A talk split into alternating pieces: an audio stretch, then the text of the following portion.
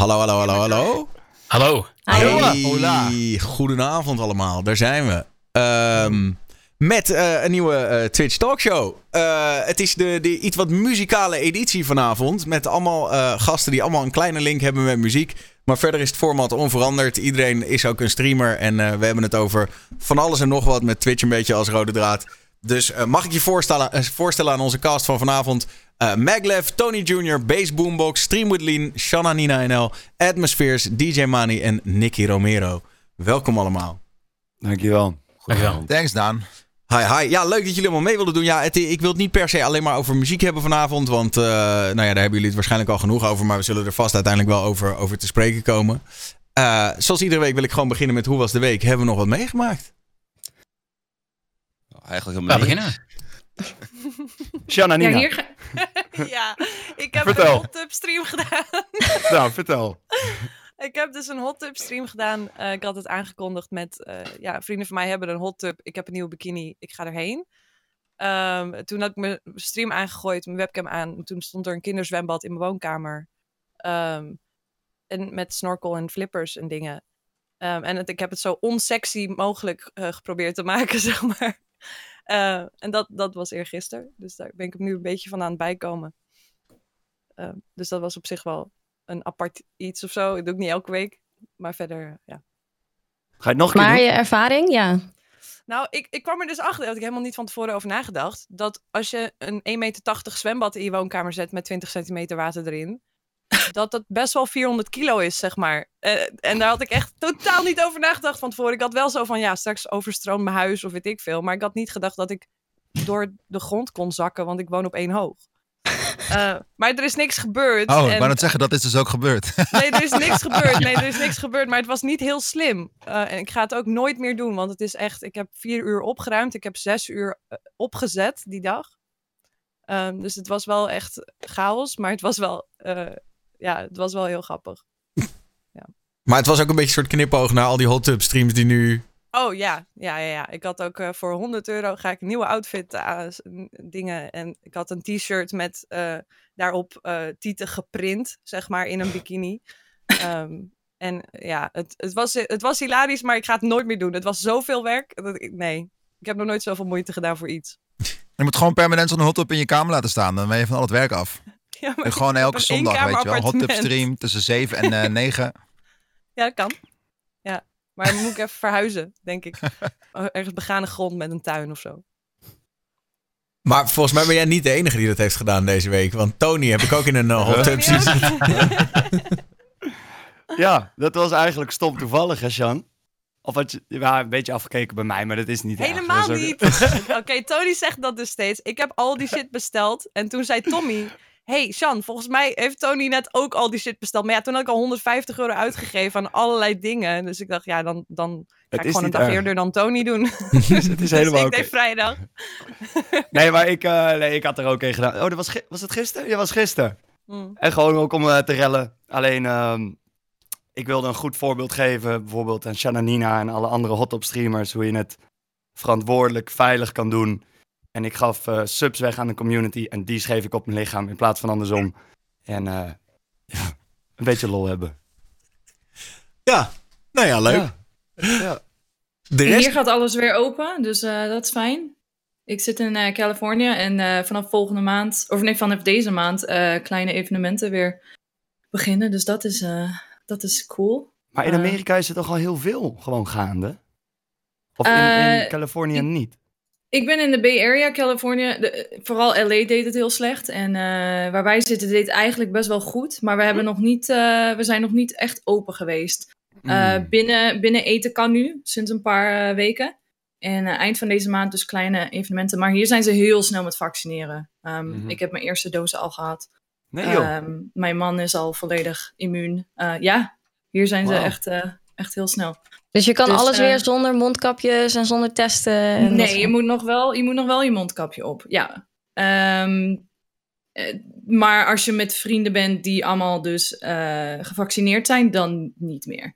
Dus we hebben nu ook eindelijk mensen over de vloer. Fijn. Fijn joh. Ja, echt wel. Geen coronaparties meer, maar vax-parties. Facts parties, ja. Maar dat is wel chill dat het alles weer mag. En, maar heb je dan ook, maar het is een beetje, ja, misschien een beetje stomme vraag, maar ik ben dan toch nieuwsgierig. Weet je dan ook welk vaccin je hebt gekregen? Want hier is nu heel veel gedoe over AstraZeneca en of dat dan wel of niet meer bij mensen gezet Ja. mag worden. Nee, ik heb, ik heb Pfizer gekregen. En mijn man ook. Ik, wij hebben hier geen AstraZeneca. Wij hebben alleen Pfizer, Moderna en eh, Johnson. Ik heb vrienden die alle drie hebben gehad.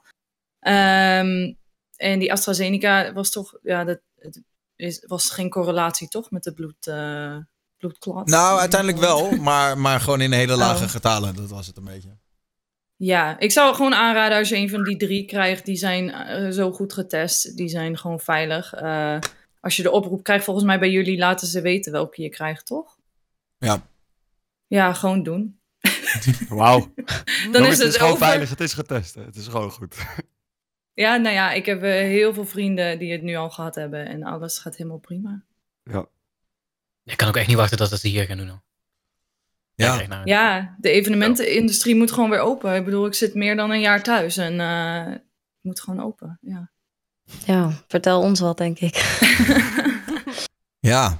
Ja. ja, ik kan hem er gelijk wel een beetje als, eh, als topic in gooien. Hier in Nederland dan. Alle versoepelingen met minimaal een week uitgesteld, want het is nog te vroeg. Is vandaag eh, naar buiten gekomen. Dat kwam niet als een verrassing, toch of wel, Daniel?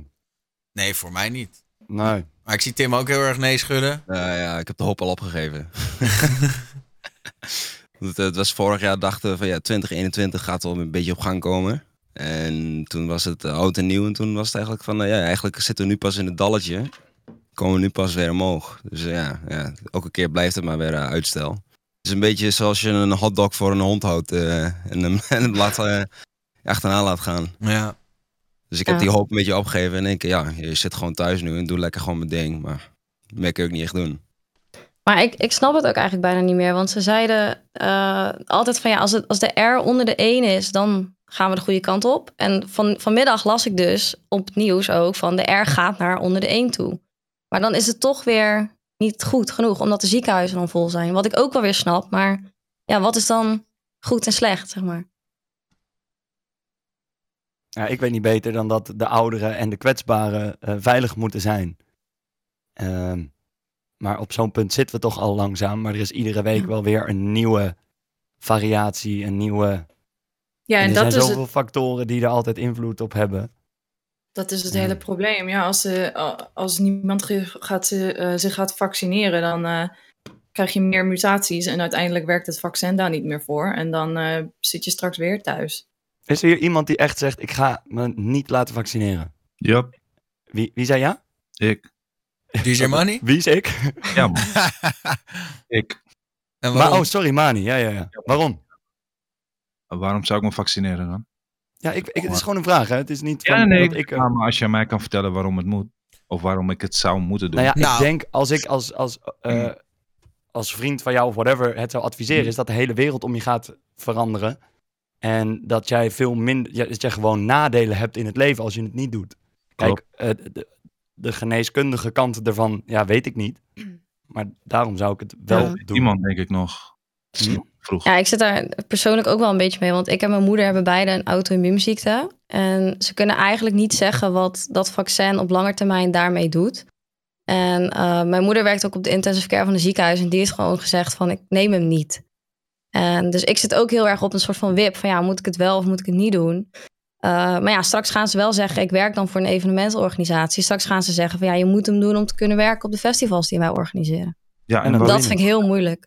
maar waarom zou dat zijn? Want wat, wat is het voordeel als je die spuit in je zet? Wat, ma- je moet een mondkapje op, je moet anderhalve meter Ja. houden. Je bent, steeds, eh, je, bent nog steeds, je bent niet immuun. Dus Nee. zeg mij één voordeel die je hebt. Behalve dan dat je een vinkje bij je naam krijgt. Eén voordeel lichamelijk gezien. Ik wacht hier wel even. Nou ja, dat je niet ziek kan worden, toch, in principe? Ja, grap, ja. Nee, dat, je, dat je anderen niet, dat je kan anderen niet ziek worden. maakt. Je kan gewoon. Ook niet dat, dat ook niet. Ga maar lezen. Dat staat nergens. Ook niet op, op welke website dan ook.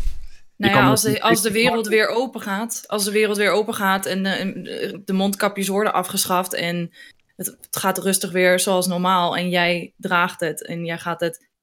Stel ik hoor in Nederland eh, een hele hoop mensen gaan zich niet vaccineren. Dat is prima, dat is een keuze.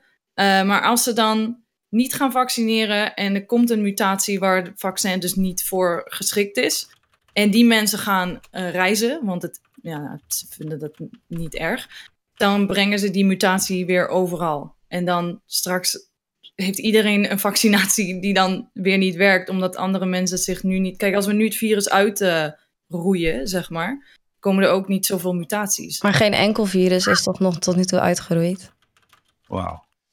toch? Maar- maar- Wel. Ja. Nou ja, misschien geen virus, maar we hebben wel. Ik bedoel, hier in Amerika was laatst eh, bij Tahoe eh, waren heel veel mensen die gingen zich niet eh, vaccineren voor.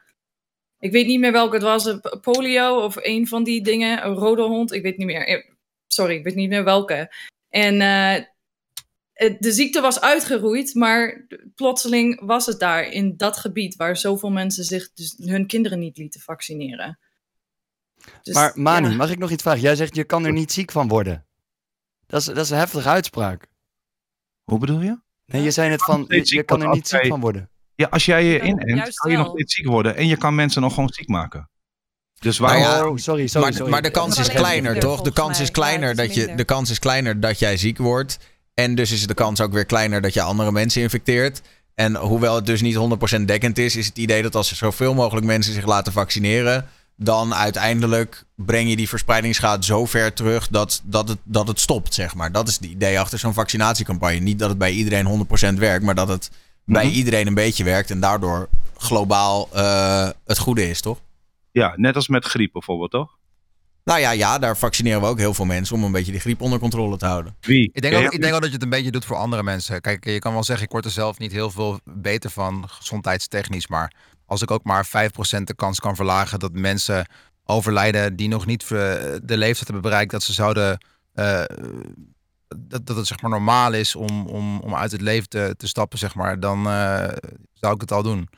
Dus ik weet niet, eh, je doet het niet zozeer. Ik zou het niet voor mezelf doen. Ik heb het nog niet gedaan, maar los van het feit dat ik het zal moeten als ik moet gaan reizen, zou ik het echt zeker voor een ander doen. Dat is denk ik. eh, Dat is precies wat ik hetzelfde heb. Ik doe het voor de wereld. En wij- ja, Nicky, wij moeten het voor. Er zijn al airlines die eh, alleen gevaccineerde mensen gaan eh, vervoeren. Dus ik denk dat wij weinig keuze hebben. Willen wij ons eh, werk kunnen blijven voeren? Doen jullie ook de griepprik elk jaar? Nee. Maar dat zeg ik. Ik neem deze. Als ik deze vaccinatie zou kunnen, mogen, moeten krijgen. Doe ik het ook niet omdat ik bang ben dat ik er ziek van word. Nee, maar griep is niet alleen voor jezelf, hè, Tony? Nee, Als jij nee. naar je omaatje gaat en je hebt griep opgelopen bij iemand, zeg maar, en je gaat naar Mhm. omaatje, je bent daar en je weet nog niet dat je griep hebt. Volgende dag krijg je snotneus. Een week later ben je ziek en je hebt omaatje aangestoken. Dat is griep. Griep is net zo dodelijk. Nee, Maar klopt. is- Maar, wat is je punt maar ouderen hebben wel over het algemeen meer antistoffen tegen griep minder, dan, maar dan griep dat tegen corona. Waarom is er niks tegen griep dan? Er is al een miljoen jaar is er griep. Waarom is er niet echt één hele goede prik die je neemt? Boom, nooit meer griep. Omdat het muteert. het is- en ze, ze, zo- ze zoeken, elke, ze zoeken elk jaar de drie grootste niet, eh, versies uit. Ze Ja, zoeken en elk, corona elk is jaar de... hier, zeg maar. En dan weten we nu al, dit moet je pakken. Dit moet je Maar pakken. jij, jij zegt dat, dat ze- corona eh, net zo heftig is als een griep. Jij denkt niet dat corona heftiger kan zijn. Heel, het is veel heftiger. Gaan vet veel mensen dood? Tuurlijk niet. Hoeveel mensen gaan er dood? Wees even reëel. Moeten we die hele teringzooi plat gooien? Ik zat ook in de jeugdzorg. Weet je hoeveel kinderen werden mishandeld thuis? Weet je hoeveel zelfmoord? Weet je hoeveel stress bij kids van 6, 7? Die gewoon overal worden Maar daar ben ik het mee met je, Maar- ik het mee met je eens. Maar ik snap niet wat je zegt. Maar En die is als, dan, groter als het vaccin een deel van de oplossing daarvoor kan zijn. En het is een stap. we nog niet. Nee, maar we hopen dat. En we gaan daarvan uit. En dit is onze best bet, toch? Yes, we Als- hopen het. Ja, maar dan, dan, dan, ja, dan doe ik liever mee aan die hoop. In plaats van dat ik van de zijlijn ga schreeuwen. van, Ja, we weten het nog niet. Ja, we komen erachter door me mede te laten vaccineren, toch? Als ik die, die spuit nu neem. En dan komen we er over een jaar achter of dat gewerkt heeft of niet. En als, als zoveel mogelijk mensen dat doen. En we komen erachter dat we het soort van hebben uitgeroeid. Of naar een heel klein niveau hebben teruggebracht. Ja, dat zou toch mooi zijn. Ik weet Waar niet. ben je bang voor om het wel te nemen dan? Nou, stel je voor dat eh, de helft van de wereld onbevruchtbaar raakt of zo. Je weet het niet. Bedoel, normaal worden die vaccins getest over jaren en jaren. En nu is het binnen een jaar. Nee, het nee, nee, maar dat is niet Ja, maar helemaal het research waar. stopt niet, hè? Het research Nee, ja, stopt true, niet nu. true, maar Dat zijn ze. er dat iets- nou onvrijwillig een guinea pig hiervoor? Nou, niet onvrijwillig. Ja, een beetje Ja, wel. dat zeg ik. Maar je wordt bijna gedwongen. Ja, het is Stel wel je- onvrijwillig een deel. Ja. omdat- Maar het is als- als- bijna- Als ik wil werken, moet ik dit doen. Zeg Ja, maar. precies. Ja. Dus Ah, het wordt- is dus eigenlijk al meer een principe kwestie dan toch? Of het nou goed werkt of niet, maar je wordt ergens toe gedwongen om je werk een soort van te kunnen doen. Wat ik heel heftig vind. Ja, dat is Ja, maar ja, je neemt toch, je, je, je, je vaccineert je kinderen toch ook. Tenminste, in Nederland is het heel normaal. Je krijgt allemaal je vaccinaties. Eh, toen ik een jaar of 12, 13 was, was de meningokokkenprik. Ik weet niet hoe je het uitspreekt. Meningokokken, ja. Eh, ja, die moest ook iedereen in één keer nemen. En ja, dat, dat werkt eh, waarschijnlijk, dat weten we niet. Maar de kans dat het wel werkt is zoveel groter dan, dan de negatieve dingen. Plus het research stopt niet. Dus mocht er iets omhoog komen wat er gebeurt, dan gaan ze daar wel aan werken om dat dan of op te lossen. Of misschien komt er wel een jaarlijkse coronaprik. Eh, misschien, ja, misschien blijft dit wel niet werken. Dat Nee, weten maar hoeveel we prikken hebben we vroeger wel niet gehad? Op, ik weet niet hoe, hoe dat bij jullie is. Ja, maar veel, de middelbare toch? school. Ik, heb, ik kan me er wel een Ja, stuk of vier, vijf herinneren. En ik leef nog steeds. Nou, dus ik heb zoiets van, ja, als je, als je een paar mensen... Kijk, je moet niet ouders. vergeten wat Maar- voor eh, bureaucratie eraan vooraf zit. Als je normaal gesproken een griepprik er doorheen wil krijgen... dan gaat er zoveel maanden, jaren van bureaucratie, bureaucratie aan vooraf... om zo'n prik er doorheen te krijgen. Onnodig papierwerk, wat blijft liggen overal. En ja, dat duurt allemaal zo verschrikkelijk lang. Ik denk dat dat niet eens... Weet je, er En zijn het als, we ons druk gaan maken wat er dagelijks in voedsel zit, weet je, dan zijn we ook heel ver van huis. Want volgens mij weten we daar ook lang niet genoeg over. Wat we allemaal eten en eh, dat soort dingen. Dus kijk, eh, je kunt die discussie natuurlijk heel ver trekken. De vraag is denk ik alleen hoe ver moet je hem willen trekken. Omwille van, eh, van je gezondheid en ook van de stress die het weer creëert. Als je daar dagelijks mee bezig bent. Dus we wel... Oh, sorry. Ja, ja. ik, heb, ik heb gewoon nog één brandende vraag. Waarom niet? Waarom zou, waarom, waar ben je bang voor om je te, of waarom ben je er tegen om je te laten vaccineren? Zoals er net al mensen zeiden, je bent waarschijnlijk al gevaccineerd. Of als je naar andere landen gaat, continenten, heb je al prikken ontvangen. Waarom ben je zo tegen deze? Het is, het, is, het is too much, man. Wat ze allemaal. Om de 10 minuten, als je tv kijkt random en je gaat zappen, om de 10 minuten zeggen ze: vaccinatie dit, Rode Kruisers, oh, we zijn dit, we zijn dat. Eerste applaus als je die eerste prik in iemand zet. Het is te veel, man. Het is te Ja, veel. nee, oké, dat, is, dat is media en dat is, het is Punt. het circus eromheen. Maar I agree. Maar als je terug gaat naar de essentie, een prikje Ja. krijgen om je, om je wereld te helpen en Maar wat eventueel is het jezelf. voordeel? Ik ben nog steeds, ik ben nog steeds, ik moet nog steeds mijn kapje op. Mhm. Mijn kapje Nee, Maar ik vraag niet wat het voordeel nu is. Ja. Ik vraag waarom vind jij het een nadeel? Dat is nog tijdelijk, de mondkap op en zo. Ja, ja. Wie, wie, wie zegt dat het tijdelijk is? Nou ja, maar dat is wel het doel, toch? Als we, ja, Er wordt van alles geroepen, jongens. Laten we even serieus, laten we even normaal gaan doen. Kijk, als, je, wordt als, ik nou, geroepen. niks, niks als ik op dit moment nou een vaccinatie zou krijgen, dan moet ik nog steeds de mondkap op. Want zoals je zelf ook al zegt, ik kan het bij me hebben. Heb ik er zelf geen last van, kan ik het nog wel overdragen aan mensen die het nog niet hebben gehad. Ja. En daarvoor is dus nog tijdelijk lang, ik neem aan, zo'n mondkapje nodig. Kijk, ik ben geen arts, ik heb er geen verstand van, die- ik maak maar- muziek. Maar, jij, maar die mondkapjes werken toch niet? Nou ja, ja. Kijk, als je zo wil gaan discussiëren, dan kunnen we eeuwig doorgaan. Deze Het is, dus- ik bedoel, er is natuurlijk er is een reden dat chirurgen in operatiekamers al jaren mondkapjes dragen. En er is ook een reden dat in. Wij moeten dragen, En want er is- die hun dragen, en mogen wij niet dragen. Nee, oké, maar er is ook een reden dat in Aziatische landen, waar ze meer van dit Juist. soort pandemieën hebben gehad, dat de mondkapjes al een stuk ingeburgerder zijn. Omdat mensen gezamenlijk tot de conclusie zijn gekomen van, nou, dat is misschien toch wel een goed idee om dat te doen. Want alle kleine beetjes helpen, zeg maar. Jongens, jongens, jongens. Ik had vorige week had ik een uur lang een gesprek met Diederik Gommers. Ehm, en dat heb ik er ook live uitgezonden op Twitch. Daar deed eh, Diederik de volgende uitspraak, die ik heel heftig vond. Hij zei, door het laatste jaar, hoe wij ons nu gedragen, mondkapjes, afstand houden, minder contact, noem maar op, is griep verdwenen. Mhm. Wat vind jij daarvan? Wat vinden jullie daarvan? Nou ja, als ik kijk naar bijvoorbeeld mezelf. Ik, ik werd voorheen, ik denk twee keer per jaar goed ziek. Ik denk Ja. van de griep of iets dergelijks. Ik loop nou al sinds februari vorig jaar zonder iets opgelopen te hebben rond. Ik vind het heerlijk. Ja, vind het geweldig. maar Ja, eh, de keerzijde Absoluut. daarvan is dat je immuunsysteem ook ehm wordt. mensen om je heen nodig heeft om, om sterk te blijven. Zeg maar. Ja, precies. Ja, goed, maar als we, als we zeg maar met zulke maatregelen dus al een griep gewoon bijna, bijna weg kunnen werken. Het zal nooit voor de 100% gaan, denk ik. Maar inderdaad. dat is toch al geweldig. Ik ja, maar bedoel, dan blijf ik voel jij me, dus ik voel me afstand top. houden, dan blijf je een mondkapje houden, dan ga je in een samenleving leven waar we nu leven en dat ga je normaal vinden. Nee, dat bedoel ik niet per se. Maar ik vind, het, Oh. ik vind het dan knap wat we, wat we tot nu toe voor elkaar hebben gekregen. Dan zie je dus effect niet alleen met corona, maar dus ook met andere ziektes. Hm. Meer je handen wassen, iets meer afstand houden. Dat vond ik sowieso al chill. Maar eh, gewoon af en toe een keer je mond. Ik, ik ga denk ik gewoon mijn mondkap in het openbaar vervoer blijven, blijven dragen. Hm. Eh, Ik ja, niet. Ik niet. Ja, straks, heb dat- je, dat straks- heb twee jaar thuis gezeten en dan ga je weer de wijde wereld in. En dan kom je weer allerlei verschillende mensen tegen. En dan is je immuunsysteem niet sterk genoeg om de volgende keer dan wel even zo'n griepje eh, Ja, dan ben je dood. te doorstaan. Dus het zijn ook weer de, de, de tegenhangers. Tuurlijk, ja, daar, zit- daar zit de kern van waarheid in, absoluut. Maar ja, weet je, ehm, ik zie het al. Ja. Ik, ja, Ik, ik, ik kan niks anders doen. Ik kan, ik kan er wel een hele harde mening over gaan. Ik kan, ik kan er van alles over vinden. Uiteindelijk eh, ben ik niet de enige op deze planeet. Er, le er leven er ehm, 6,9 miljard zoveel meer. Ik denk dat ik daar ook iets meer rekening mee moet houden dan alleen mezelf. Ja, very true. I agree. Zullen we door? ja, laten we inderdaad... Mij Door naar de volgende. Ja, want we gewoon drie uur. Ja, Ja, we kunnen hier anders inderdaad echt eh, uren over doorbomen. Laten we dat niet doen. Ik wil aan jullie allemaal eens even vragen: wat is het gekste wat je tot op heden hebt meegemaakt op Twitch? Omdat eh, Twitch natuurlijk toch best wel een uniek platform is. Er gebeurt best wel veel gek shit. En mensen komen in één keer soms met mega donaties of ander. Er gebeurt weer wat anders. Wat, wat zijn de leukste dingen die jullie tot op heden hebben meegemaakt eh, hier? De Ik hot heb Ja, stream oh. van Shannon Nina. Wat? Wie? hot tub stream was wel... ja, Kijk, ik stream nu acht jaar. Ik heb vrij veel shit gezien. Maar de hot tub stream was wel top drie dingen. Ehm, daarnaast gewoon bizarre donaties, dat wel. Ehm, Wat ook tijdens de hot tub stream. Nee, ja, nou, het ging wel harder dan een normaal streampie, zeg maar. maar ehm, ja, ik heb eh, iets van 7,5 jaar geleden of zo een keer een donatie gehad van 1800 euro. Ehm, dat was ook bizar. Dan weet je ook gewoon niet wat je moet doen, zeg maar. Maar ik heb het ook wel eens bij andere streamers gezien. Toen bij, bij Kiddie Plays en bij die, die OG, dat soort streamers, zeg maar. Dat Mhm. iemand gewoon 12.000 euro even doneerde. Holy shit. bizar. Ja. Tja. Maar verder, naast alle nipslips, ja, die, die, die borstvoeding ding op dat ding. Weet je dat nog?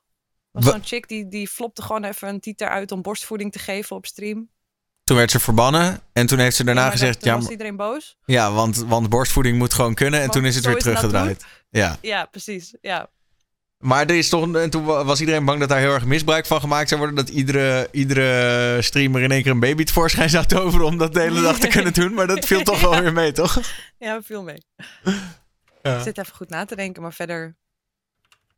Ik heb niet hele rare shit gezien. Maar jij bent ook wel echt Twitch-streamer, Twitch-streamer. Jij bent natuurlijk ook muzikant, maar ook, ook wel echt al heel lang. Je bent wel echt een veteraan. Ik denk dat de rest is natuurlijk wat nieuwer op het platform. Nou, ook niet allemaal natuurlijk. Maar, maar gewoon, ja, hoe... ehm, Tim, hoe heb jij bijvoorbeeld, eh, hoe heb jij Twitch ervaren eh, zo in de tijd dat jij hier nu bezig bent? Ja, het is best wel, eh, best wel anders. Normaal ja, heb je alleen die interactie met mensen in het echt. En nou is het echt gewoon, ja, ik doe dan wat meer serieuze streams. Dus ik zit vaak gewoon alleen muziek te maken. Want ik merk wel als ik eh bijvoorbeeld een spelletje ga spelen, dat, dat de helft van mijn viewers wegloopt. Dus ik uh, probeer het altijd wel een beetje ja, muziek gerelateerd te houden. En daardoor kom je ook wel echt wel die diehard fans tegen. Die dan hele, mooie hele mooie berichtjes schrijven. Waar je dan ook gewoon in real time op kan reageren. Dus dat vind ik wel iets heel fijns. Het is toch anders dan bijvoorbeeld een eh, Instagram DM of zo. Want je, je doet het live met die mensen. En ja, mensen kunnen zien hoe je erop reageert. Ook in het echt, oprecht. Dus dat is voor mij wel de leukste. En natuurlijk die, eh, die gift subs en al, al dat soort... Dat is, ik, ik, ik, ik begreep het eh, eigenlijk nog maar nu, nu, ik, nu ik een beetje mee bezig ben. Ik vind het wel heel mooi om te zien dat mensen zoveel waarde aan iemand hechten dat ze dat ervoor over hebben. Ja. Ja, als ik, als ik daarop in mag haken, dan uh, ik stream 2,5 maand ten opzichte van Shanna, dus eigenlijk heel kort. En dat was eigenlijk bij toeval door een uh, Warzone hardstyle toernooi wat georganiseerd was. Maar, oh, het in Gold We ehm, Trust uh, toernooi van laatst. Nee, X8 Global Oh. was dat. Maar, uh, dus dat is eigenlijk heel toevallig, maar dus wel blijven streamen. En er is in zo'n korte tijd zo'n community al opgebouwd. En die hadden dus het doel om uh, evenveel subs te blijven geven als dat ik followers kreeg. Uh, maar dat is dus afgelopen anderhalve week zo uit de hand gelopen dat ik dus nu 1000 volgers heb, maar 1430 subs. en uh, ja, ik weet niet of dit hoort, maar het is heel Flex. ziek. Jezus. En um, ja, dus er zijn, ik, ik sta er echt van te kijken wat voor legends er op uh, Twitch aanwezig zijn. Die dus inderdaad, wat Tim ook zegt, um, zo supportive zijn en zo lief. En ja, ik weet niet. Uh, ik sta er echt van te kijken. Ja, Twitch is echt heel anders dan, dan welk platform dan ook. Als je op YouTube, uh, Instagram en van die troll comment, comments en weet ik veel wat. En hier is gewoon, ja, ik heb eigenlijk bijna nooit problemen. Ik heb wel eigenlijk, de vraag was of je iets grappigs hebt meegemaakt. uh, Twee weken geleden of zo kwam er iemand in mijn, uh, in mijn chat en die wilde een of andere bot ding testen. En ik kreeg in één keer 15.000 volgers uh, waren allemaal bots. Uh, en het ding bleef maar gaan en het bleef maar gaan. En alles raakte in de stress, mijn lampen, mijn alles. Um, dus dat was best wel heftig. En ik moest het, uh, Twitch kan daar niks aan doen, helaas. Dus ik moest met een derde third-party app moest ik dat verwijderen. Maar binnen vijf minuten had ik, ging van 2000 naar 15.000 volgers of zo. Dat was best wel, best wel heftig. Ja, is dat, is dat een, iets wat echt de laatste tijd geëxplodeerd is op Twitch? Want ik heb dat nu ook echt al vijf of zes streams, dat ik echt alleen maar bots krijg. En... Nee, er gebeurde zelfs toen ik begon in 2013, was er follow botten al een ding, zeg maar. Ja. Um, maar ja, het gebeurt uh, de laatste tijd in de, vooral in de Nederlandse community geloof ik heel veel. Je moet er maar tijd voor hebben. Ja, je ja. kan het gelukkig wel verwijderen, maar ja, het is gewoon vervelend. Het is inderdaad wat, wat, wat er gezegd wordt, alles gaat aan en die alerts blijven gaan voor vijf minuten en het is gewoon irritant. Ja, ik kan je sowieso aanraden om gewoon geen geluid op je follow alert te zetten, want dat, uh, dan is het al een stuk minder interessant om dat, uh, om dat te doen. Maar ja, dat, dat blij, ja het, het, is ook stom, want het kost ze ook nog eens geld. En ze geven je dan die, die nep-followers. Ja, ik denk ook dat je er niet te veel van aan moet trekken. Want dat is juist wat ze willen. En uiteindelijk, ja, wat, wat boeit het? Maar ik kan me wel voorstellen, voorstellen dat het irritant is. Ja. Ja. Tja. Um, ik, um, omdat we met veel mensen uit de muziek bij elkaar zijn. Er zijn nog veel streamers die problemen ondervinden met uh, muziek en DMCA. En dat is ook een, uh, een ding wat je... Uh, wat je veel terug ziet komen, niet alleen op Twitch, maar ook op YouTube. Weet je wel, iedereen moet zich daar maar omheen werken en een abonnement nemen op een of ander platform om dan iets van muziek te kunnen gebruiken. Ik ben benieuwd hoe jullie daar tegenaan kijken en of daar een soort van antwoord voor is. Uh, hoe je dat zou moeten aanpakken met muziek op Twitch. En, uh... Ja, dat, dat zou Twitch moeten oppakken. Want eigenlijk ja. ja, is het hun backend. En eigenlijk, ja, als je muziek gebruikt op een stream, uiteindelijk zal er toch iemand daar ook wat aan moeten verdienen. Maar je bent wel eigenlijk auteursrechtelijk beschermde uh, dingen aan het gebruiken. Die je eigenlijk niet zomaar. Ik bedoel, als ja, de Spotify-account is gratis. Maar ook op die manier verdient Spotify hun geld. Als je op, via een gratis account luistert, krijg je reclame. Twitch maakt dus ook gewoon inkomsten op jullie, op al onze streams. En als je dan ook nog, ook nog muziek gaat luisteren, terwijl je ook donaties en al dat soort dingen krijgt, is het toch ergens wel eerlijk dat er ergens een bruggetje tussen Twitch en de muziekindustrie komt. Ik ja, maar kan dat niet... Ik, ik, heb altijd gezegd van ja, uh, uh, whitelist uh, al mijn muziek maar voor elk platform. Want hoe meer mensen het horen, hoe beter. Maar ja, ja. Kan ja, maar kan het niet dan heel makkelijk opgelost worden door een monetization systeem, net als wat YouTube Ja, dat zou ja maar dat zou doen, Twitch moeten organiseren. Dat, dat, kun je wij, dat kunnen wij als artiest natuurlijk niet doen. Dus er moet een label, moet een gesprek plaatsvinden tussen, um, tussen de labels en, labels, en aggregators en, en Twitch om dat te laten gebeuren. Maar ja, Twitch zegt gewoon dit is hoe we het doen en klaar. Dus het gesprek is best wel snel klaar dan. En uh, zo, zo los je het probleem niet op. Er zijn toch best wel veel platformen die, die je uh, DMCA-free music geven. Zelfs op Spotify staan er heel veel uh, playlisten die je wel kan draaien. Ja, maar, ja, maar het is natuurlijk wel raar dat als je content creëert, dat je, dat je gebonden bent aan muziek die licentievrij is. Terwijl als er gewoon een goed systeem komt, waarbij elke klik die er wordt ge, uh, gedaan op een liedje, als daar gewoon een, een goede verdeling komt, waar iedereen wat aan heeft, dan heb je toch een veel bredere keus aan, aan, aan, aan ja. muziek, zou je zeggen. En daarmee kunnen content creators gewoon veel vrijer hun ding doen, denk ik. Dan dat je vastzit aan, aan, aan ja, licentievrije muziek, wat toch wel vaak best wel repetitive uh, playlists worden dan. Hè? Als ik bij sommige streamers kijk, dan denk ik, oh, dit, dit liedje komt hierna, weet je wel. De, die streambeats of weet ik veel wat. En uh, dat is heel dope, het is dope gedaan. Maar er hoort gewoon denk ik een verdeelsleutel te komen. Waar Twitch wat aan moet doen. Uiteindelijk met de labels en de aggregators. Om, ik geloof dat er gewoon veel meer potentie is in het platform als er een muziek uh, deal wordt gefixt. Weet je, waar artiesten, labels, waar uh, weet ik veel, copyright hebbende uh, wat aan hebben. Ben ik het wel mee Ik denk ook die, die muziekwetgeving, hoe dat nu werkt, is natuurlijk ook helemaal niet um, gebouwd op, op de technologie van nu, zeg maar. Dat is gewoon echt eigenlijk een soort van verouderd systeem, hoe dat nu werkt met auteursrecht en copyright en al die strikes. Maar stel Spotify komt met yo, uh, als je 100 euro in de maand betaalt voor je Spotify, mag je het broadcasten of weet ik veel. Dat is een soort van license dat je het daar kan kopen. Dan denk ik dat heel veel streamers dat willen doen. Want ik ja, draai dat, dus dat wel gewoon Spotify, op mijn stream. Dat is aan Twitch om te doen. Ja, oké. Maar ik draai dus wel gewoon Spotify op mijn stream. Um, ik heb op mijn Nederlandse kanaal nog geen strikes, op mijn Engelse kanaal wel. Maar als er een manier zou zijn voor mij om dat makkelijk te doen op een legale manier, zou ik daar best geld voor willen betalen. Ja, maar die precies. is er ook niet. Zeg maar. Ja, maar het is toch Ja. ook aan ieder label, het, eh, het label van eh, de Beatles, die de recht hebben. Als die zeggen nee, ja, dan houdt het op. Dus je kan toch ook niet Ja, oké, ik snap wat je bedoelt. Het kan wel, maar het Ja. is wel heel veel hoofdpijn. Maar op zich ligt het niet aan het label. Hè. Het, gaat, het gaat meer om dat Twitch moet een, een, een, een conversie maken van luister, wat doen we met copyright eh, content? Wat doen, wat doen we daarmee? Ja. Wie gaat eraan verdienen? Wat is de, de verdeelsleutel tussen de, weet ik veel, de songwriter, de, het label en de, en de, noem eens wat, de publisher?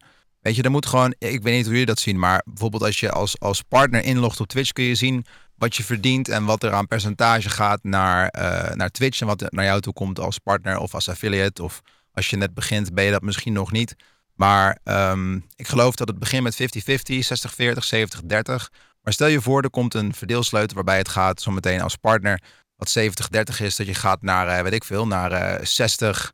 30 en 10 naar alle content die je gebruikt. En dat je voor dat geld eigenlijk alle content kan gebruiken wat op Spotify staat. Ja, ik als het geloof label daarmee van dat je een probleem oplost waar iedereen tegenaan loopt. Ja, maar dan moet alsnog de publisher van een bepaalde artiest, eh, Michael Jackson of whatever, moet dan toch toestemming daarvoor geven. Ja, waarom zou ze dat niet doen?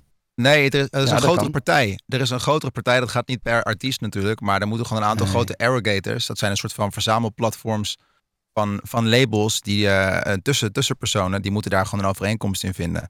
Kijk, uiteindelijk, het, het is natuurlijk super dubbel als je zometeen voor elke stream die je uploadt, elk liedje moet gaan lopen bevestigen van ja, deze mag erin, die mag er niet in. Dan ben je gewoon, ja, dan moet gewoon een geautomatiseerd systeem zijn. Oké, dit liedje is, is, heeft, is zoveel keer gedraaid, die krijgt daar bedrag X voor. Weet je? En ik denk dat, je, en dat iedereen gewoon diezelfde kut moet krijgen. Dan, dan moet dat niet zo moeilijk zijn. Maar er moet wel, eh, ja, er zal wel een reden zijn dat ze dat niet doen. Ik ben benieuwd wat die is.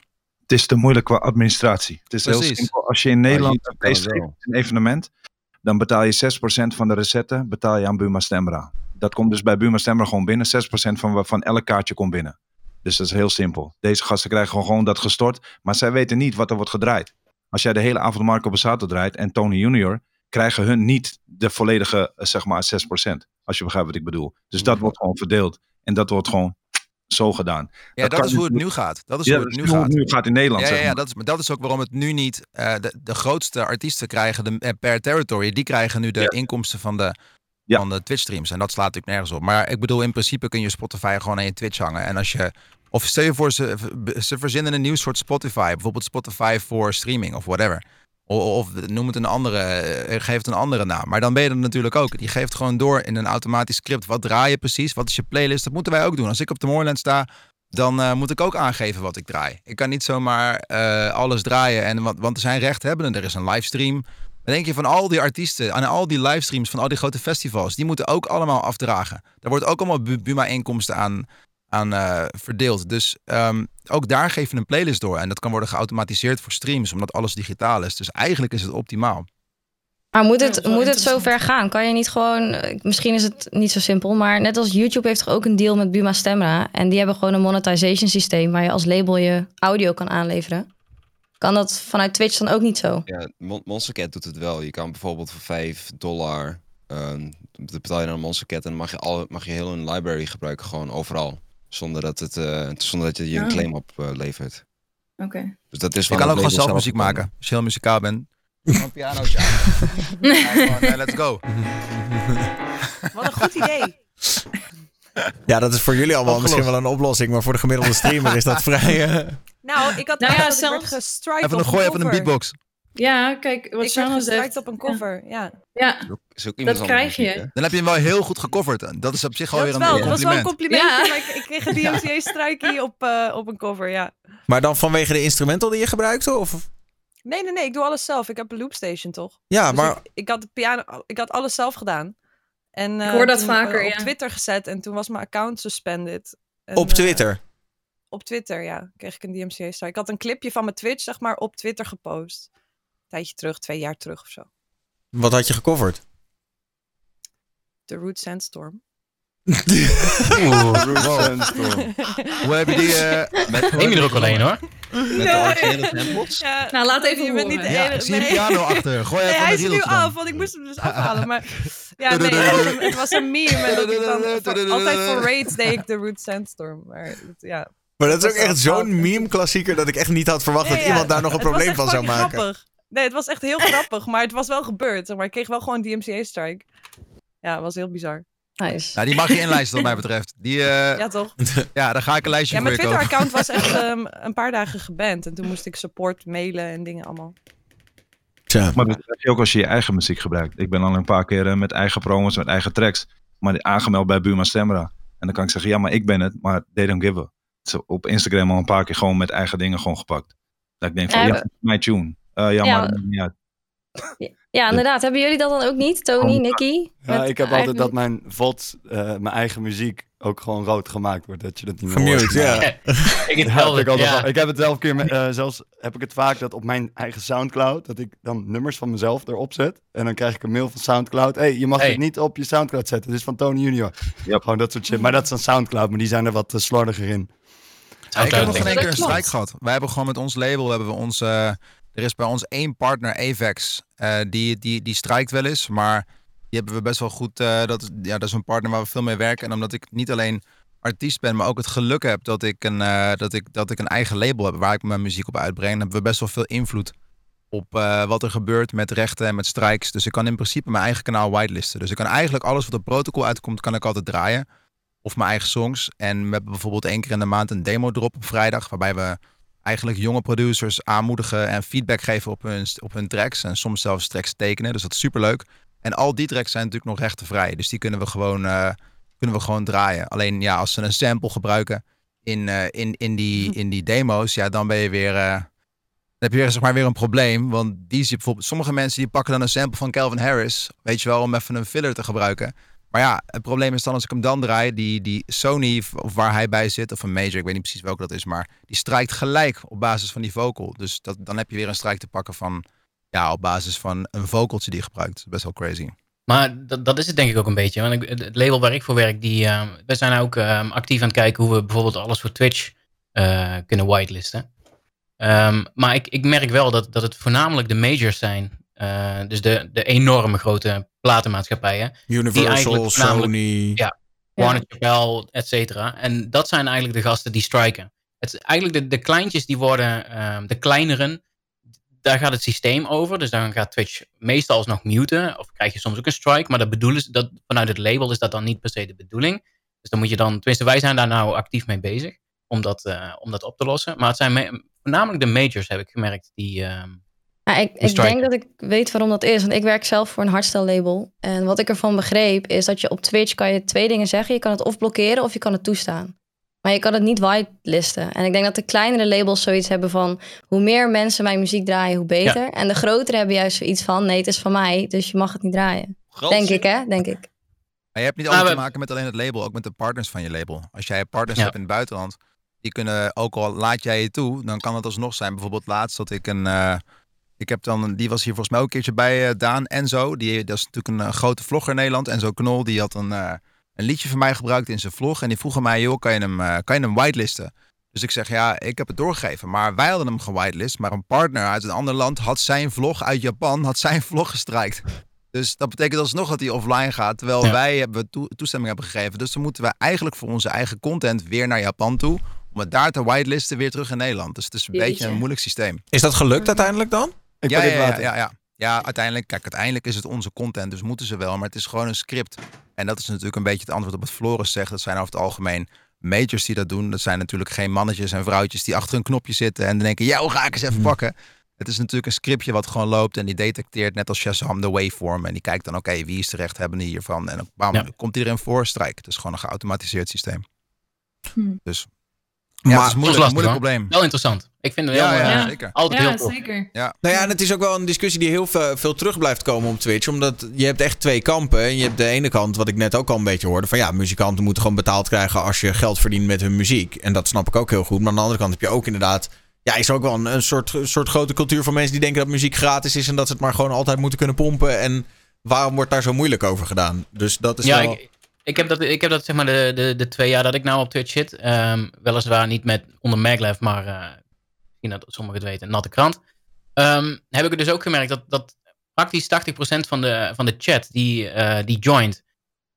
Je moet ze bijna een beetje opvoeden over hoe rechten werken. Ehm, en ik ben op zich voorstander van het ouderwetse systeem. Omdat je krijgt gewoon prima betaald als het daarom gaat. Alleen het is nu dus die, die clash met de, de nieuwe industrie. En dat maakt het heel lastig soms. Tja. Ja, ik, eh, we komen er ook Wat denk ik vind jij er eigenlijk van, Daan? Gooi eens even jouw mening eens even hier in de groep. Jij zit daar zo te kijken met Mona Lisa op de achtergrond, met die snor. Maar ik ben eigenlijk wel benieuwd wat jij vindt. Nou ja, ik zou het. Ik vind dat het sowieso heel moeilijk is. Ik vind dat het ook op YouTube is het beter geregeld, maar ook niet fantastisch. Want dan heb je eigenlijk alleen maar de keuze van ja, laat ik mijn video online staan en, en offer ik al mijn inkomsten op. Want daar is het zo dat als ik bijvoorbeeld een liedje van een van jullie gebruik en het wordt geclaimd, dan ben ik gewoon alle inkomsten op die video kwijt. En dan mag de artiest dat allemaal claimen. Dus dat is ook niet een ideale oplossing. Er moet gewoon een soort sleutel komen en het moet eh, onder een soort van centrale vlag, zodat je alles mag gebruiken en dat er niet een discussie ontstaat over dat wel, dat niet. En het kan wel, want Facebook heeft bijvoorbeeld met alle majors een deal gemaakt om op Insta die, die muziek te kunnen gebruiken. En dat heeft als bijeffect dat streamers op Facebook al die muziek mogen, mogen draaien en dat daar gewoon over wordt afgedragen. Ehm, dus ik vind het een beetje, ja, ik vind het een beetje van, van beide kanten. Ik vind dat de muziekindustrie is altijd traditioneel gezien, heb ik het over die majors, eh, zijn traditioneel gezien altijd heel stug en die willen niet echt meewerken. Ja, maar ja, eh, de, de platformen ook niet echt. En het, nu komt het een beetje een soort van. Wat heel kut is, is dat het nu een beetje bij de streamer wordt neergelegd. Van ja, jij bent verantwoordelijk om wel of niet muziek uit te kiezen die copyrighted is. Ehm, terwijl ja, dat is een oerwoud van kennis wat allemaal, waar mensen helemaal niet zich in moeten gaan begeven, toch? Qua die muziekrechten en wat je daar allemaal wel en niet mee, mee mag en moet. En synchronization Wat ik dan rights. Ja. Wat ik dan ook nog wel heel vervelend vind, is het wordt dan gemute voor, voor mensen, maar ook voor jezelf. En vaak wordt het helemaal heel lang doorgetrokken. Dus dan, dan gaat het nog over waar je praat of weet ik veel. En dan wil je dat posten of zo. En dan, dat kan dan niet, want dat is allemaal gemute. En ik als eigenaar van die video kan het ook niet eens terugluisteren eh, zo- eh, met geluid. Echt Mm. vervelend. Like, waarom? Dat is mijn video. Ehm, ja. Ja, ik, ik denk, denk je niet dat dat is omdat je het dan niet bijvoorbeeld eh, kan highlighten, highlight video van maken en op YouTube kan zetten? Bij wijze van. Maar Nou ja, YouTube als het- dat gewoon. ja, maar dan krijg je er geen geld voor, toch? Ja, nee, maar Ja. content. Nee, oké, maar ik- stel je wil dat eh, het, liedje, kijk als het rood is, ik ga dat niet, ik ga dat niet plaatsen, dat vind ik prima. Maar het gaat dan zo ver door vaak over iets, weet je, maak je net een grapje of iets, of, iets leuks gebeurt, of een grote donatie of iets, en dat wordt dan ook gemute. En ik kan daar niks aan doen anders dan dat ik een claim moet maken voor het, eh, de plek wat, eh, wat dus eh DMCA is.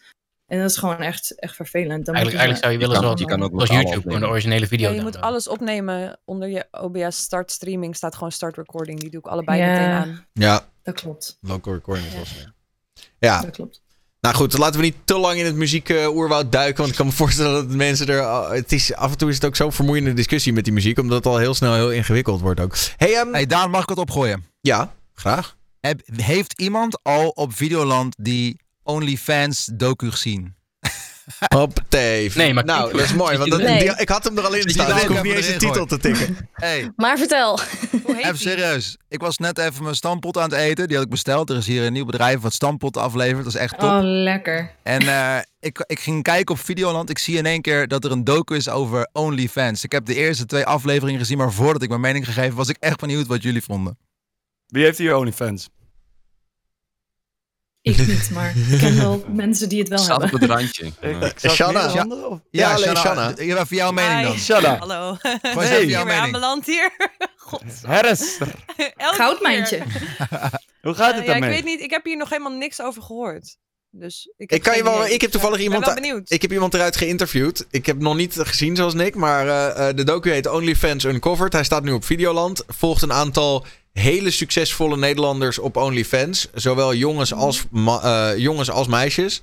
Eh, de mannen zijn uiteraard heel populair in de gay scene en doen het daar heel erg goed en kunnen daar meer dan van rondkomen. En de vrouwen doen het ook hartstikke goed. En dan heb je ook nog stelletjes en zo. Ja, en wat zien we in die docu? Een beetje de, de wereld van OnlyFans. En eh, dat er is één guy die verdient gewoon 65k of zo, hè? 64k per maand. Met, met foto's en video's. Dat is best echt crazy. En ook, ja. Maar ik vond het gewoon, inter- het is gewoon een interessant onderwerp, omdat het voor veel mensen een beetje op de grens ligt van, weet je wel, van, van normen en waarden en zo. Ik weet niet, ik, ik vind het zelf moeilijk om een mening erover te geven. Tenminste, ik heb hem wel, maar ik ben wel voorzichtig. Nou ja, ik ben wel nieuwsgierig naar je mening. Wat is je mening? Wat is je Ik heb wel vrienden. Dus als je Ik voor heb- mij inhoudt, hoef je niet te doen. Nee, nee, nee. Ja, je moet, kijk, je moet mensen wel een beetje respect. Kijk, ik vind het een beetje lastig. Het is voor ons bij ons. Het is voor mij misschien makkelijk om een mening te vormen, omdat je niet alle informatie hebt. Weet je, ik, ik kijk nu een docu, die wordt van een bepaalde kant belicht. Ik heb mijn eigen mening erover. Ik kan me herinneren dat we dit in de stream ook een keer hebben besproken al, eh, Daan, in de vorige eh, dingetje. Was het volgens mij met Serpent Gaming. Die had daar een hele uitgebreide Oh ja. een mening over. Ehm, ja, ik weet het niet, man. Ik, ik vind het heel cool als mensen unieke content kunnen creëren. Maar de, ja, content is natuurlijk een grappig woord om zo- op zo'n manier te zeggen. Maar Nou, ehm, nou. het, ik weet niet, waar, waar ligt dan die grens? Ik zit dan die docu te kijken en dan denk ik, ja, er zijn er mensen de hele dag bezig met allemaal hoeken en, ja, en, en manieren vinden waarop ze er het meest sexy uitzien met allemaal Maar dat is lampen op Instagram en- toch ook niet anders? Alleen is het dan Ja. niet dat je je pipi of je punani laat zien, weet je wel? Ja, dus ik heb zoiets wel. van op Ja, OnlyFans, in- you, know, you know it's gonna happen. You know what you're Op doing, Instagram je ziet zie je net zoveel als op mijn OnlyFans. Het is, Oh. ja. Ik ga Oh, bij jou word je gewoon naakt. gescamd. Bij jou kun je beter ja, ja, gaan het is volgen gewoon op echt scam. Ja, ja. Nee, ik Dit- dit is monetize niet goed gewoon eigenlijk mijn, dit, eh, mijn, eh, mijn lage zelfvertrouwen ben ik aan het monetizen. Dat is eigenlijk wat er gebeurt. Nee, het is... Ik, ik, eh, ik doe geen naakte shit. Het is geen porno. Het is, het is ehm, eigenlijk gewoon het... Ja, zeg maar, de, Instagram. de meest sexy dingen op Instagram is zeg maar hetzelfde. Doe je ook filmpjes? Mm, in het begin wel, maar het was veel te veel moeite. En toen dacht ik, nee, laat maar. Hoe heeft eh, OnlyFans dat gedaan met DMCA strikes dan? ik ben niet DMCA strike, want ik heb wel... Eh aan, ja. ja nee. Ja, ik heb, ik heb twee weken heb ik OnlyFans gehad. En eh, een jaar geleden. En ik wilde het even proberen. En ik zette daar gewoon foto's op. Die ik ook op mijn story zette. Een beetje van die trainfoto's. Een beetje flexen. Nou, en maar wel gewoon ontbloot bovenlijf, een beetje de Jawel, geldenarij jawel, wel, ja. Jawel, ja, gewoon eh, niet naakt. Ik heb niet eh, mijn tolly laten zien of iets.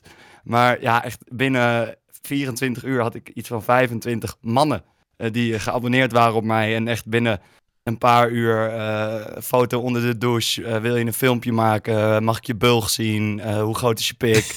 en toen dacht ik, wauw, dit is wel heel heftig, man. Dus toen heb ik allemaal foto's van mijn pik gestuurd. Nee, maar toen, heb ik, eh, toen dacht ik van, nou prima, dit geloof ik wel. Nee, dit, eh, het was niet helemaal mijn platform.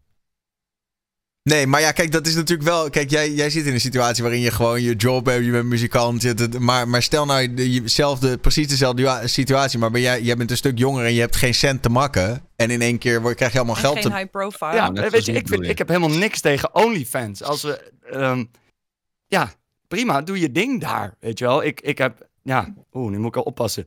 Ik, ik kan eh, zeg maar, ehm, ik vind zeg maar die grens die soms op Twitch wordt opgezocht met het gaan van naakt, vind ik dan heftiger dan wat er op OnlyFans Ah, daar, gebeurt. daar wil ik het zo over hebben. Dat, komt- dat komt zo. Maar eerst, ja, eerst maar Daar ben ik het ook mee eens. ja, o- Ja. OnlyFans, weet je wel. Ja, Ja, je OnlyFans, ja, checken, gonna... die docu. Want wat jullie nu zeggen is wel wat, wat, wat, wat anders dan wat er in die docu wordt laten zien. Daar zijn echt mensen de hele dag bezig met expliciete content schieten. Maar ook niet alleen dat. Wat ik ook heftig vond, was dat mensen de hele dag met fans aan het bellen zijn.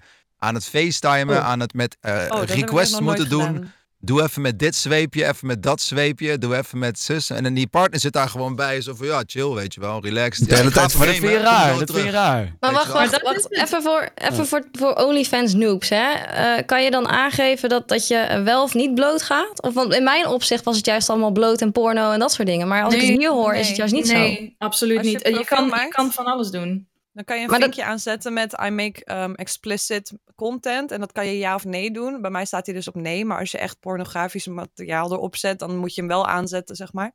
Ja, Eh, maar ik ben heel duidelijk naar, vanaf van tevoren al dat er geen naakte shit op staat. En dat ik dat ook niet ga doen. Ehm, ik krijg nog steeds DM's van, eh, op OnlyFans van wil je, wil je naaktfoto's voor hoeveel Maar- geld zou je het wel doen? Maar het is gewoon nee, punt. En Maar Shanna- vraag. Stuur je persoonlijke... Als iemand vraagt, kan je alsjeblieft voor mij een foto in een eh, bepaald broekje Ik- sturen voor n- 80 Niet euro? vaak, want de requests gaan vaak over mijn grens heen. En dat Mm. m- geld is daarin geen factor. Eh, want ik vind dat ik die grenzen zelf heb gesteld op het moment dat er geen geld in het spel was. Dus dan moet ik het ook niet veranderen als er wel geld. Kijk, als er Maar daarmee zeg je wel dat die er verleiding er dus wel staat- komt. Ja, die verleiding is er wel. Want als, eh, eh, laatst had ik bijvoorbeeld iemand die bood 12.000 euro voor een, een topless foto. Dat heb je wel gedaan, toch? Heb ik niet gedaan. Hè? Maar zie je dan Nee. ook, zie je dan Wow, ook 12 bijvoorbeeld, kop, ik zou het doen. zie je dan ook de, de, de prijs van je gewone. Ja. Ja, maar content straks omhoog staat, gaan? hij, hij gaat het sowieso ergens op Reddit posten of weet ik veel. En dan weet je wel, ik, no way dat dat dan ehm, tussen, tussen twee mensen blijft, denk ik dan. Weet je wel, Dat heb ik er 70k niet voor zo. Ja. over. Ja. Niet. Maar, Maar, maar, ik, ben, ik ben daar best wel koppig in. En dat, ik denk dat je dat wel moet hebben. Dus daar, in dat sterk. opzicht ehm, maak ik me ook wel zorgen over jongere mensen die, die een OnlyFans-account aanmaken met het idee van, oh, even makkelijk geld verdienen. Ehm, want één gaat het best wel ver soms hoe, hoe mensen, wat voor berichten mensen sturen, zeg maar. Ehm, en twee, moet je wel kunnen vasthouden aan, aan je eigen grenzen. En ik denk dat je dat nog niet kan als je 19 bent of 20. Of... Het is heel makkelijk Nee, om nou steeds ja. verder en verder te gaan, toch? Precies. Ja, ik vind het wel knap. Ja. Ik vind het wel knap dat je, gewoon je, dat je dat gewoon niet gedaan hebt. Terwijl je wel, Ja, dat eh, Ik vind ik geen spijt van. Ja, Die guy is ook wel geunsubbed en eh, de hele account is verwijderd en weet ik veel. Dus hij was ook niet eh, heel betrouwbaar, denk ik. Maar zie je dan ook niet, stel je- jij doet dat dan niet, zie je dan ook je prijs omhoog gaan in de andere content die je dan wel creëert? Omdat het heeft natuurlijk ook wel wat, juist dat jij zegt van nee. Ja, dat is misschien een rare ja, vraag. mensen, maar eh, eh, sommige mensen kicken erop om te kijken wanneer je dan wel overboord gaat, zeg maar. Of overstag. Ehm, Ja. Ja, maar dus daarmee, als je het wel zou doen, dan zou je een prijs op je eigen lichaam zetten. Dus ik denk dat het goed is dat je dat niet gedaan hebt. Niet alleen om dat geld, maar als je dat op een gegeven moment wel zou doen, dan zou je gewoon zeggen, ja, eigenlijk ben ik in principe zijn bepaalde dingen gewoon te koop. Dus ik denk Precies, dat je dat... en ik vind eh, porno is gratis. Waarom zou ik Ja. dat maken? Ehm, Huh, Ja. Maar je, En je men- zit als dan, dat het zeg je, zit op hebben gezien- OnlyFans en dat kost nee, het geld. werkt. Weet je wat het ding is? Als mensen het eenmaal helemaal hebben gezien, dan zijn ze weg. Waarom zou je elke maand blijven betalen als je één keer iemand helemaal alles hebt gezien, zeg maar? Zeg maar als jij blijft teasen, dan De forever blijven tease. ze langer, snap je? Hoeveel het is heel subs heb jij op OnlyFans, Sjan- Sjan? Ehm, nou, ik heb de laatste maand niks gepost, omdat ik nu... eh, mijn moeder heeft chemo en dingen. Het is allemaal niet heel makkelijk om me sexy te voelen Mm. op dit moment. Maar ehm, mijn gemiddelde lag rond de 140, 160. En mag ik vragen hoeveel eh, een abonnement bij jou is? 15 dollar. Zo. Je leeft zo. Je leeft zo. En dat is alleen de subs, hè. Als je dan, zeg maar, dan kan je ook nog in DM's foto's extra sturen. En, En, maar je verkoopt dus ook wel mee. foto's extra die niet over je grens gaan. Ja, want dan zet, dan zet je bijvoorbeeld één foto op je timeline gewoon. Van, dit is een leuke outfit.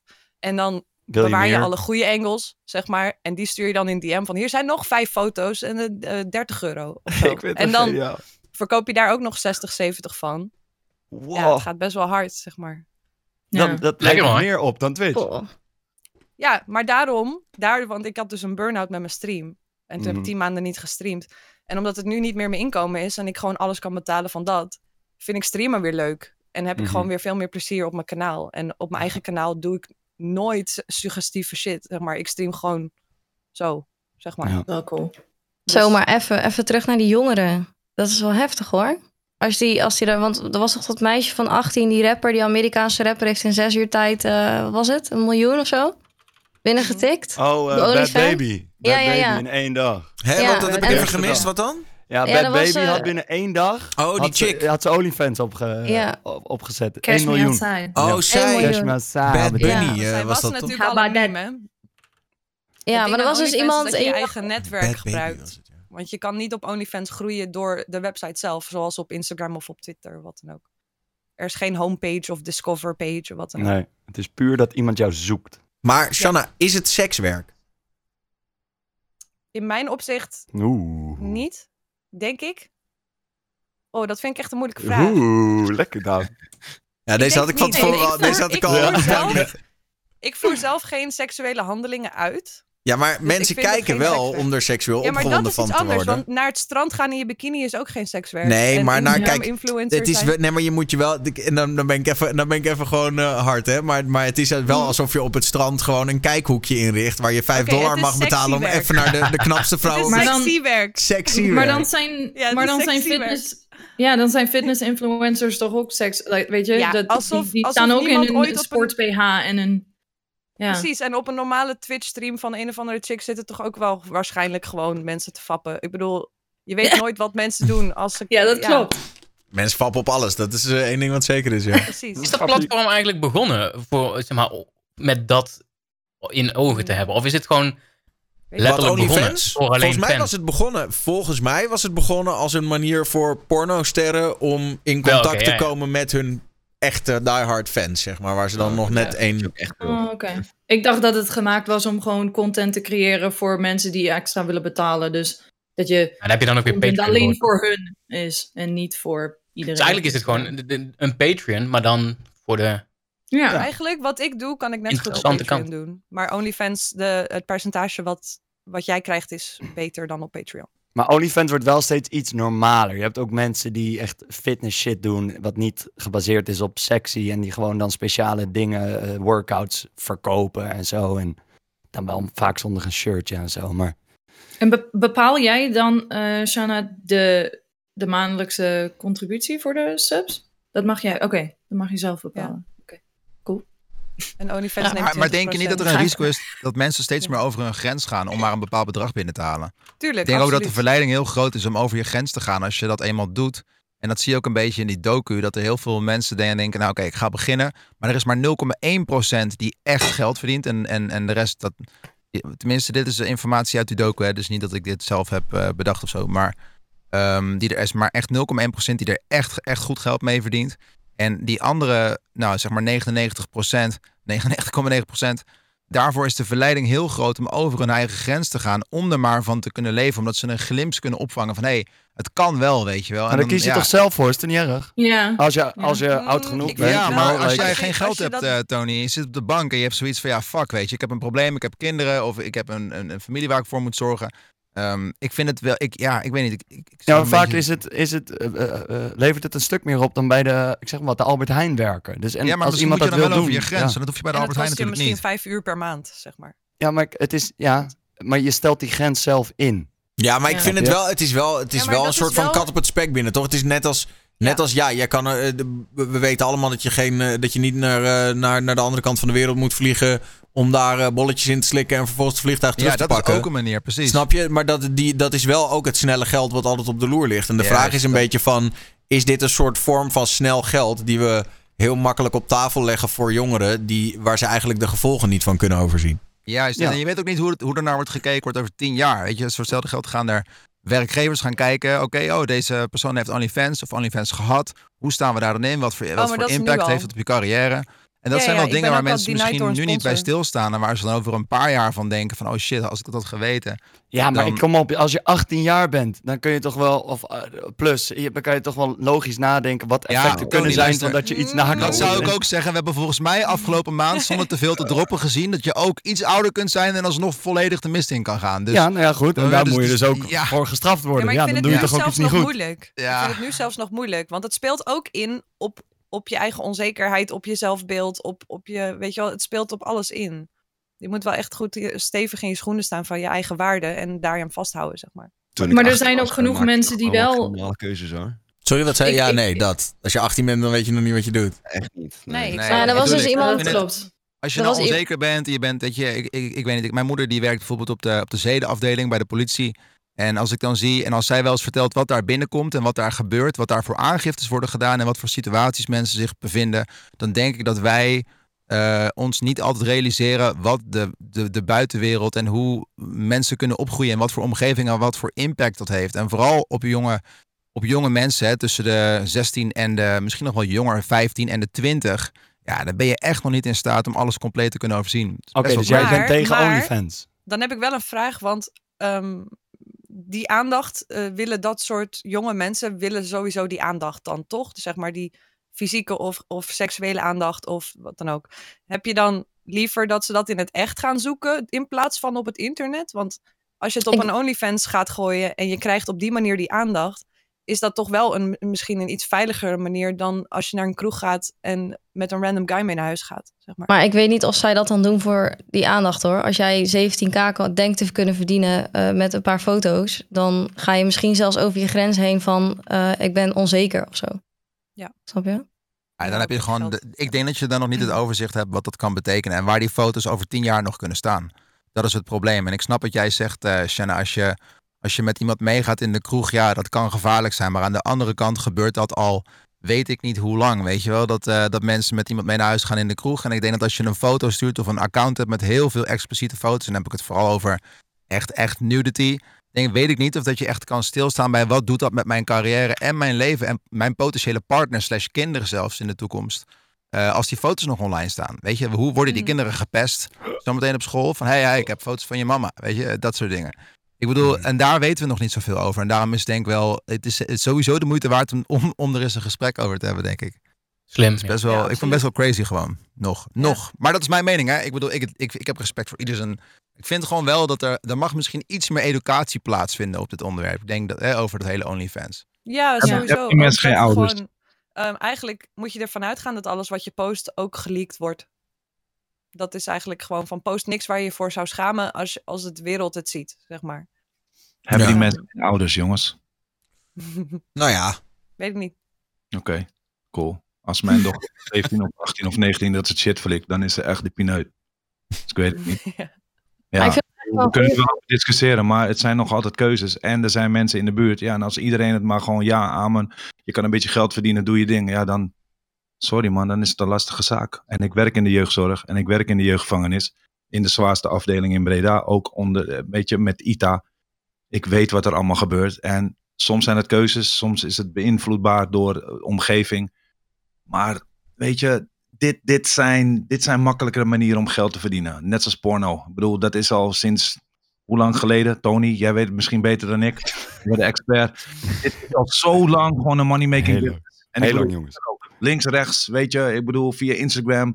eh, alles is mogelijk. Als je maar, weet je, of je titel of je piemeltje laat zien. Whatever. Er is altijd doekoe in te verdienen. Dus laten we niet Dat is, de- Ja, maar wat, dat is oké, wel het dus mooie aan vindt- OnlyFans. Want eh, je, je, je kan ook, ik heb een vriendin die laat niks zien. En die verdient, die, die komt er gewoon maandelijks van rond. Ze Ja, leeft geen ik dus luxe ook. leven. Maar ze kan wel gewoon lekker wat leuks kopen. En ze kan haar huur betalen. En ze, en ze laat echt nooit zien. Ze is zelfs religieus eigenlijk. Eh, maar zij zit in zeg maar de cosplay dingen. En zelfs daarmee kan je, dat- is dan ook wel weer de coole kant van dit platform, weet je wel? Het is een keuze en, en ieder persoon is anders. En sommige mensen zijn er heel erg into de porno en, en de anderen niet. Ja, voor, voor de mensen die dat niet zijn, die kunnen een Twitch of die heb een kunnen hekel aan gaan porno. influencen.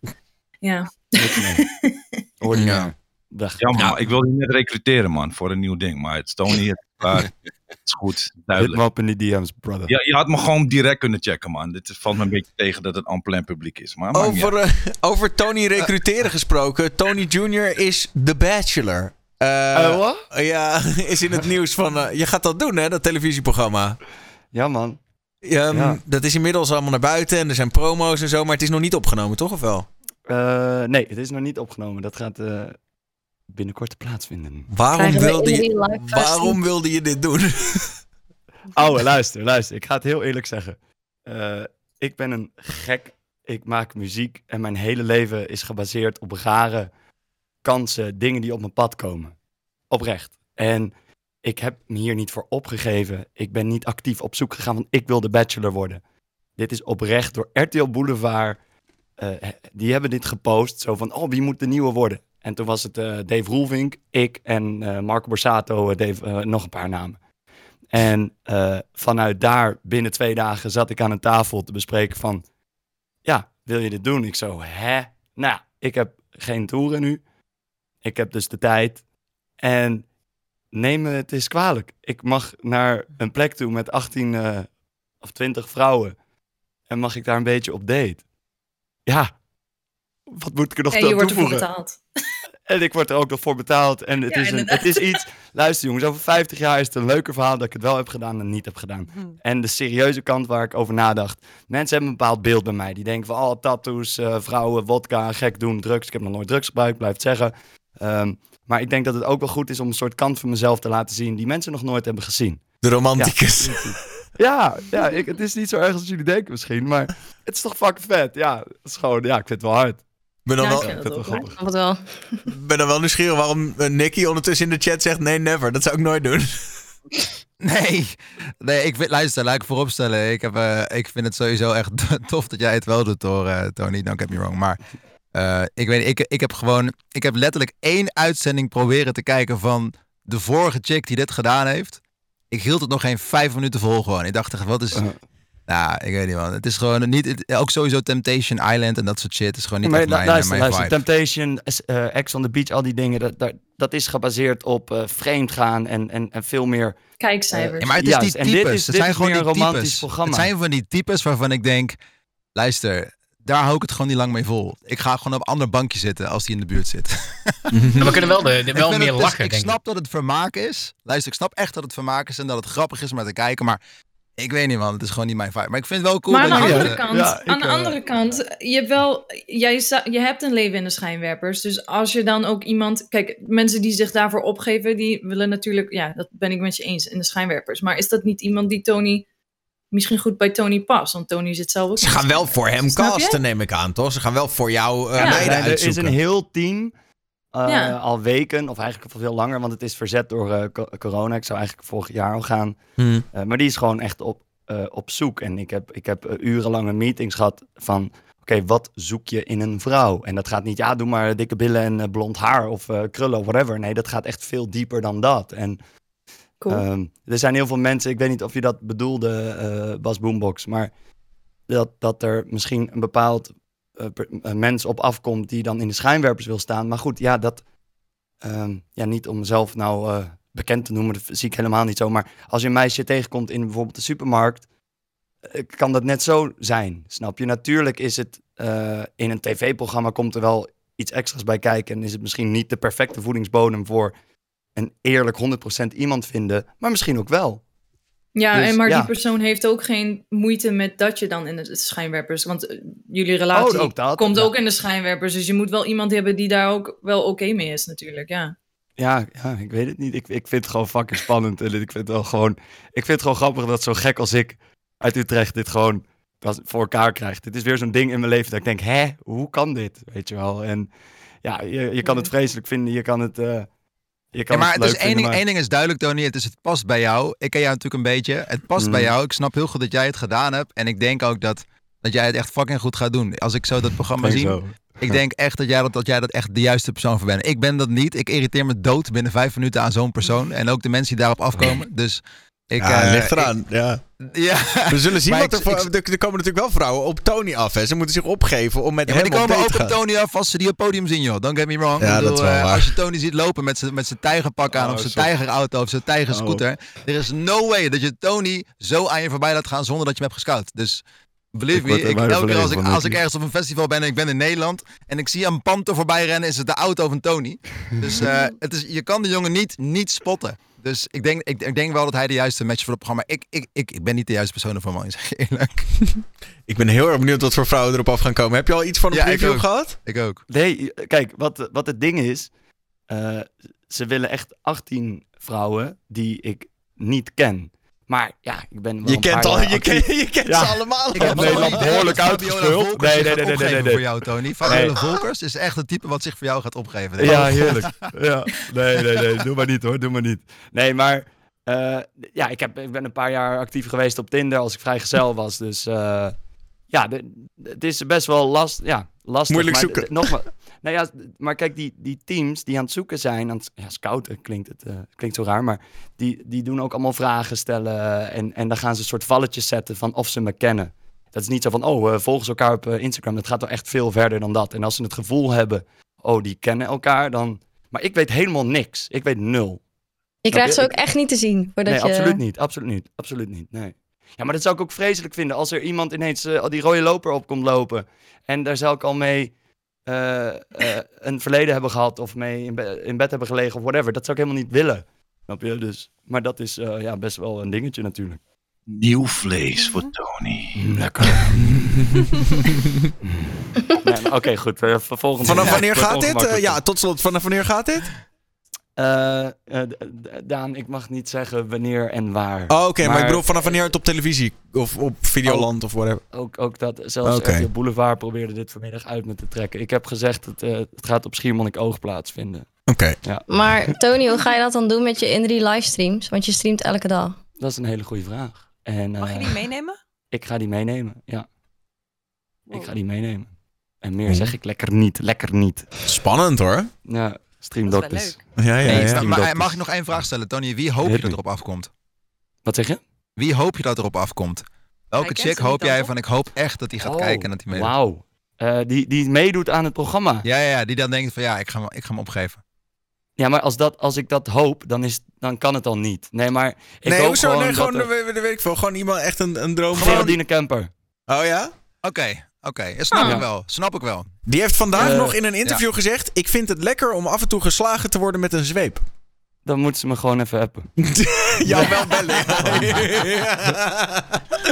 Jou wel bellen, zeg je. Oké. En, eh, en een, eh, een streamer van Twitch zou ik ook wel leuk vinden. Gewoon voor de, eh, de RS. Maar welke dan? Nee, dat weet ik niet. Nee, oh, dat heb ik gisteren dronken gezegd. Met, nee, ja, ehm, nee, dat ga ik niet van. Nee, never mind. Ja, dat moet je het Ik- zeggen. Nou, we Eh, dan... ik Alles had of het niks, gewoon over op. mooie vrouwen. Hoppakee. vrouwen die ik mooi vond op Twitch. Eh, toen heb ik Esmania gezegd. Dus Esmania. Oh, ja, maar Maar Esmania die... gewoon een, eh, eh, een man of vriend of whatever. Dus, nou, en, maar Esmania die heeft ook in de Playboy gestaan, hè? Dus het is niet alsof Niet? je... Hmm. Wat? Heb je dat niet gezien? Esmania nee. in de Playboy, Oh. wist je dat niet? Dat stuur me wist ik een linkje, zelfs. broer. Hij opent nu, hij opent Firefox en opent die. En Sumi heeft die volgens mij ge gebookmarkt. Dus als Sumi hem even kan Ik moet even googlen, denk ik. Zoom je even een linkje Ik weet niet eens wie het is, eerlijk gezegd. Nee, ik ook niet. Hoe heet zij? Esmania. Esmania. Oké. Iedereen in één. Ja, takka, takka, takka, takka. Nee, maar dat, zou wel hard zijn. Toch gewoon een, streamer. Gewoon. Dat zou ik leuk vinden. Oh ja, Ja, ja, nee, ja. deze snap ik wel. Deze snap Ja, dat wel. begrijp ik wel, ja. Ja, iedereen begrijpt het. Ehm, ik wil nog wel heel even een klein beetje in deze hoek blijven. En dat is de vraag... eh, ehm, tenminste in de, in de, de liefde, seks, relatieshoek. Eh, en dat is de vraag, want we hadden het net al over de, de hot tub streams. Iedereen heeft ook een hot tub eh, stream gedaan. Ehm, voor de mensen die het niet weten, als je nu op Just Chatting gaat kijken op Twitch... dan zie je heel veel dames in weinig kleding en in, in baden zitten en zo. Moet Twitch iets doen aan de extreme seksualisering van het platform? Zo heb ik het eh, nu verwoord. Eh, ja. Ja. En wat dan? Nou ja.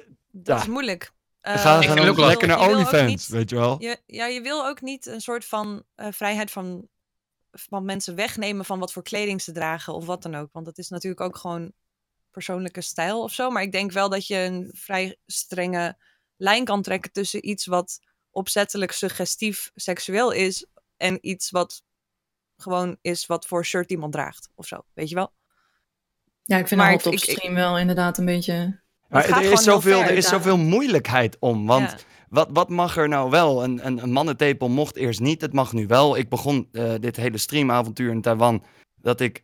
eh, show, ja, ik heb mijn shirt vaak uit en met shows. Dus dat was weer eh, geen probleem. En er worden grenzen opgezocht door vrouwen. Want als ik nu mijn bil laat zien hier, dan word ik geband. Maar ik zie heel veel hot tub streamers.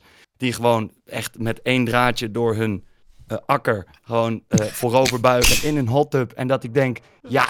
En, this is all good. En ik snap het gewoon niet meer. En ja, ik, ik weet niet. Bij mij gaat het gewoon een beetje rillen. En als ik dan zie eh 10 subs is vijf yoga stretches. Dan denk ik, ja, kom op man.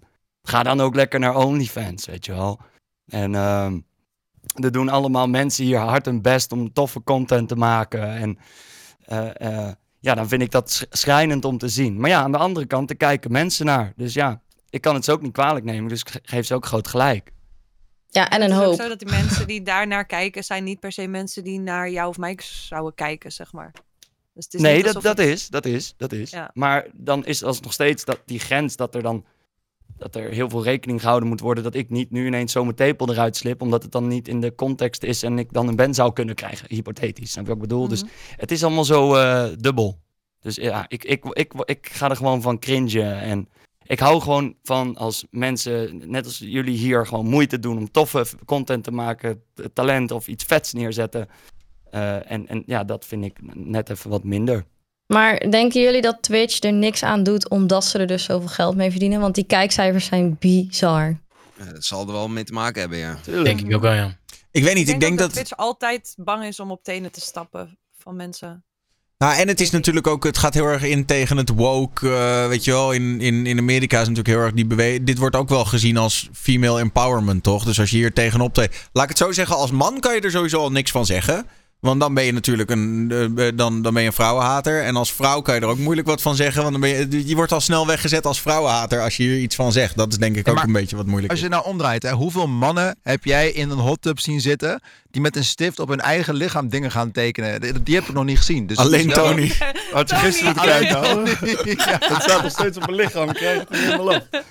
Ja, maar, ik, ik, maar Nick, luister, ik, ik deed een Ja, ja. soort relstream. Snap je? Het was juist om een soort van Nee, ik tuurlijk, dus maar draak te toch. steken. Nee, dat snap ik toch. Ik, snap, maar Ik bedoel maar te zeggen, het was natuurlijk even, even gechargeerd. Maar eh, Ik bedoel meer te zeggen dat ik vind in gewoon, ik, ik, het, het zegt natuurlijk niet ik vind het niet eens zo heel veel over die vrouwen zeggen die dat doen. Maar het geeft vooral aan, als het zoveel kijkcijfers trekt, wat voor type mensen er op Twitch natuurlijk ook gewoon gaan kijken. Dus, eh, en, ik denk, en ik denk dat het belangrijk is voor Twitch om, om, om gewoon in de gaten te houden. Waar willen we voor staan? Weet je wel, Je- op YouTube zie je dat volgens mij ook niet zo heel veel. Eh, die zijn er best wel streng op volgens mij. Ja. Shit. Dus, ehm, en ik denk gewoon dat Twitch heeft een te groot verdienmodel. Kijk, en, en, en dat zie je natuurlijk nog veel meer industries. Ik bedoel niet alleen met, met Twitch, maar waar veel geld wordt verdiend, daar, daar wordt vaak af en toe de regels toch een klein beetje, eh, ja, worden een beetje, een, een beetje losgelaten. En dat zie je gewoon bij, bij de, ik heb nu van vanmorgen toevallig zo'n stream zitten kijken. Ik heb voor de lol heb ik eventjes een donatie gedaan van vijf subs. Even kijken of ze dat echt ging doen. En mijn naam werd keurig op zo'n bordje geschreven daarachter. En ik dacht, nou, zit ik hier te kijken, kan dat hele fucking bord niet eens zien, want het is zo vaag in de achtergrond. En Maar- het enige wat er Toevallig. gebeurde in die stream is, oh, thank you so much for dit, thank you so much for that, thank you for the bits, thank you for the cheer. En dat heb ik letterlijk een half uur zitten kijken, toen was ik er klaar mee. Maar- Maar ik zie in de chat Ik iemand vind het heel Fate, frustrerend. Wie was Ja, het, eh, Nicky? Ik dacht, waar, waar heb ik nou, waar heb ik nou naar zitten kijken? Alleen maar naar thank you, thank you, thank you. En mijn naam staat op een bord. Ja, dat was top. En je billen gezien waarschijnlijk. Ja. Allemaal hey. wel, ja. Allemaal Ja, ja. hey. Ja, ik weet niet man. Ik kan wel zeggen dat ik er nu ervaring mee heb. Daarom ik, ik heb het even gecheckt, maar ik weet niet. Ik, ik heb het niet lang volgehouden. Dus. Ehm, ik heb nog wel een dingetje wat eh, vandaag in het nieuws is. Ehm, Don Diablo, die heeft een concert als NFT verkocht voor 1,2 miljoen. Ik weet niet of jullie dat hebben meegekregen. Ja, ik zag iets voorbij komen. Wat is dat? Ja, het is een soort van virtual 3D, één uur durende film. Wat dan voor alleen die persoon is gemaakt die dat heeft gekocht. Wat ik heb gelezen zover. Hè? En eh, dat is gemaakt door die Paul, die ook heel veel doet voor Bram Krikke, als ik het goed zeg. Ja, het is een soort film inderdaad. Ja, en dat is dan alleen voor die ene persoon die dit gekocht heeft. Dus dat- hij is de enige soort van die het gaat zien. Maar weten mensen Wat wat, is NFT is NFT? überhaupt? Hebben Nee, mensen ik idee wat no- non-token, Non-fungible token. Ja. Nee. Oh, ja, dan weet ik het wel. Nou ja, het, is, het, is, het blijft ook een lastig concept. Maar het idee is inderdaad dat je dus een stuk kunst. of een, of een liedje. of een, een plaatje. of in dit geval een uur durende film. want dat is dit ding van Don Diablo. Dat je dat dus eh, in een crypto kan gieten. En die crypto wordt dan eigendom van iemand. maar je Eh, kan er niks mee. Nou ja, je kan dus Nee. dat, dat kunstwerk kan je bekijken. Het is eigenlijk een beetje zo, je moet het zo zien. ehm, zo, want ik las een artikel op Tweaker, staat een goed artikel. En die, die omschreven het zo. Je moet het zien, je hebt de echte Mona Lisa eh, in het Louvre. En er zijn miljoenen kopieën zijn daarvan. En iedereen kan een kopie in zijn huiskamer hangen. En dan weet iedereen, nou dat is een neppe Mona Lisa, dat is leuk en aardig. Maar wat nou als jij dus de Mona Lisa kan kopen... met daarbij een soort sleutel die bewijst... dit is 100% zeker de echte echte. Mona Lisa. Juist. Dus het idee is niet per se, eh Lien, eh, dat, dat andere mensen die uurdurende film van Don Diablo niet kunnen gaan zien. Want waarschijnlijk kan iedereen hem straks zien. Maar als je dus gaat terugkijken, dan zie je dat die guy die voor 1,2 miljoen die NFT heeft gekocht, die is de eigenaar Ja. van dat stuk kunst. Dus hij heeft zeg maar in dit geval de echte Mona Lisa, Ja. waar wij allemaal maar de hij kopie heeft het hebben. helemaal niet. Nou nee, want het staat Nou, je in de moet het zo cloud. zien. Je moet het zo zien, Tony. Eigenlijk wat, eh, wat Daniel zegt. Zie het een beetje als kunst. Je koopt een schilderij. Stel je voor, je koopt een eh, schilderij van Picasso. En Ja. ehm, jij hebt als enige dat schilderij van Picasso. Er is er maar één van. Hij wordt wel duizend keer nageschilderd. Jij als eigenaar van die NFT in dit geval, van die Picasso. Je mag voor de rest niks met dat schilderij doen. Je mag het ophangen, je mag het verplaatsen. Je mag het fotograferen. Maar je mag het niet... ehm, eh, oh, je, je mag het niet. Je mag, je mag er voor de rest niks mee doen. Je mag het niet. Ja, maar ik mag hem niet in mijn huiskamer hangen. Jawel, Jawel, jawel, jawel. maar je mag er niet weer Maar geld mag je mee hem verdienen. doorverkopen? Je mag hem doorverkopen. oké. Je mag hem doorverkopen. En elke keer als je hem doorverkoopt, kun je in, dat, in die crypto, eh, in die conversie kun je inbouwen dat de, dat de verkoper van het product weer een percentage krijgt van het bedrag wat voor neergeteld wordt van de verkoop. Dus besef je, stel je voor Picasso verkoopt voor 50.000 euro een NFT voor een, voor een plaatje. En dat plaatje is digitaal, is gewoon een JPEG. Maar jij bent als enige eigenaar van die JPEG. En hij wordt duizend keer eh, op internet geüpload. Jij bent de eigenaar van die, van die JPEG en dat staat in de blockchain vermeld. Ik Als eh, koop nog liever gebakken lucht, om eerlijk te zijn. Ja, maar maakt het dan Ja. nog uit wie de eigenaar is als het overal wordt Ja. gedeeld? Nou, maar het gaat om. Het, nou, kijk, dat is een beetje het ding met kunst ook. Als duizend mensen zeggen: dit is kunst en dit is 10.000 euro waard. dan is het op een gegeven moment 10.000 euro waard. Kijk, als niemand dat zegt. dan is het ook niks waard. Dus het is, gewoon maar, het is maar net hoeveel mensen erin geloven dat het zoveel waard is. En daarom is het ook een moeilijk ding. Het is Maar een ik hoorde dat veel, veel DJ's en producers, zeg maar, ehm, dat heb je vast ook wel gehoord, dat, dat die hun muziek ook op deze manier verkopen. Er is een reden dat Nick er zoveel van af weet, natuurlijk. Ja, Steve of ben jij, heeft Doe het. jij dat ook? Dat jij zeg maar jouw muziek verkoopt, maar het is gewoon voor jou. Maar Nou ja, wij, wij, wij zijn wel met een NFT bezig. Ik moet overigens wel zeggen dat ik het super knap vind van Don dat hij hier zo vooruitstrevend in is geweest. Eh, ik vind het eigenlijk ook super goed voor de industrie dat hij dat gedaan heeft. Want het is wel. Het, ik geloof echt dat NFT's mega groot gaan worden. Net als crypto, alles wat in de blockchain staat. Het wordt echt. Ja, je kan daar zo ziek veel mogelijkheden. Besef je dat als Don nou zegt, nou, de eigenaar van deze, van deze film, die krijgt overal waar ik kom minimaal twee gastenlijstplekken. En dat wordt in de, in de blockchain vastgelegd. En elke keer één, of twee dagen voor een show hebben die mensen toegang tot een website waarbij ze die tickets kunnen downloaden. Dat zijn allemaal dingen die je in, in zo'n NFT kan bijbakken, inbakken, om het zo maar te Mhm. zeggen. Als je het dan verkoopt, vervalt dat recht van de persoon die verkoopt en dan gaat het door naar de volgende eigenaar. Dus zo kun je een hele unieke vorm van, ja, van, van, van, van collectibles creëren online. Dus het is ik zit, is zeker een grote markt. En voor mij, ja, ik, ik doe er wat anders mee. Ik ben bezig met een project waarmee we eh, het masker waarmee ik ooit eh, een videoclip voor Toulouse had gedaan. Die track, dat is zo'n soort van eh, het masker wat ook in V voor Vendetta wordt gebruikt. Daar hebben we onze eigen versie van en daar hebben we nu drie designs van. En iemand die dat koopt, eh, er worden limited amount of, of versies daarvan gemaakt. Eh, ja, die wordt een bedrag tegenover gezet.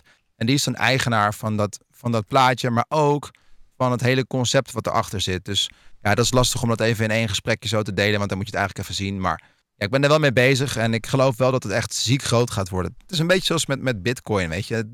Iedereen kan zich herinneren dat, dat, of in ieder geval veel van jullie waarschijnlijk, dat, dat iets van tien jaar geleden iemand iets van 15.000 bitcoins betaalde voor een pizza in New York. Gewoon de allerduurste pizza ooit geweest. Als je beseft dat dat nu, wat dat nu voor waarde heeft. Ja, dat, is, dat kun je je niet voorstellen. Maar Steve Aoki had toch ook... Oh, sorry. Oh, nee, ga maar. Nou, Steve Aoki heeft toch ook zo'n NFT-project gehad? Ik weet even niet wat hij heeft verkocht, maar misschien weet jij dat wel, Nicky. Maar eh, Er staat mij wel wat van bij, maar ik kan het niet 1, 2, 3 even voor de geest. Ik zal even snel meekijken. Volgens mij was het een liedje. ook... Ja, dat was echt ook voor heel veel geld, volgens mij. Maar stel je koopt een track van iemand, is het dan van jou?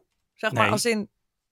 Nee, je hebt een dat snap ik dus niet. Dit is waar dus het in jij mijn hoofd spaak loopt. Maar je Nee. krijgt een stukje code dan of zo, toch? Gewoon een, een unieke code waarin dat dan staat van dat is van jou. Nou, als jij het koopt, als jij de transactie doet voor een NFT, dan wordt eigenlijk op dat moment in de blockchain, en een blockchain is een soort van mega ziek netwerk met allemaal computers, servers aan elkaar die minen en die eigenlijk aangeven van oké, deze transactie heeft plaatsgevonden. En omdat het over de hele wereldwijd, ges, eh, wereldwijd gesynct wordt, kan dat eigenlijk niet worden ontkend. Dus op zo'n moment, als jij eigenaar wordt, is dat een soort banktransactie die over de hele wereld over computers en netwerken wordt gesynct.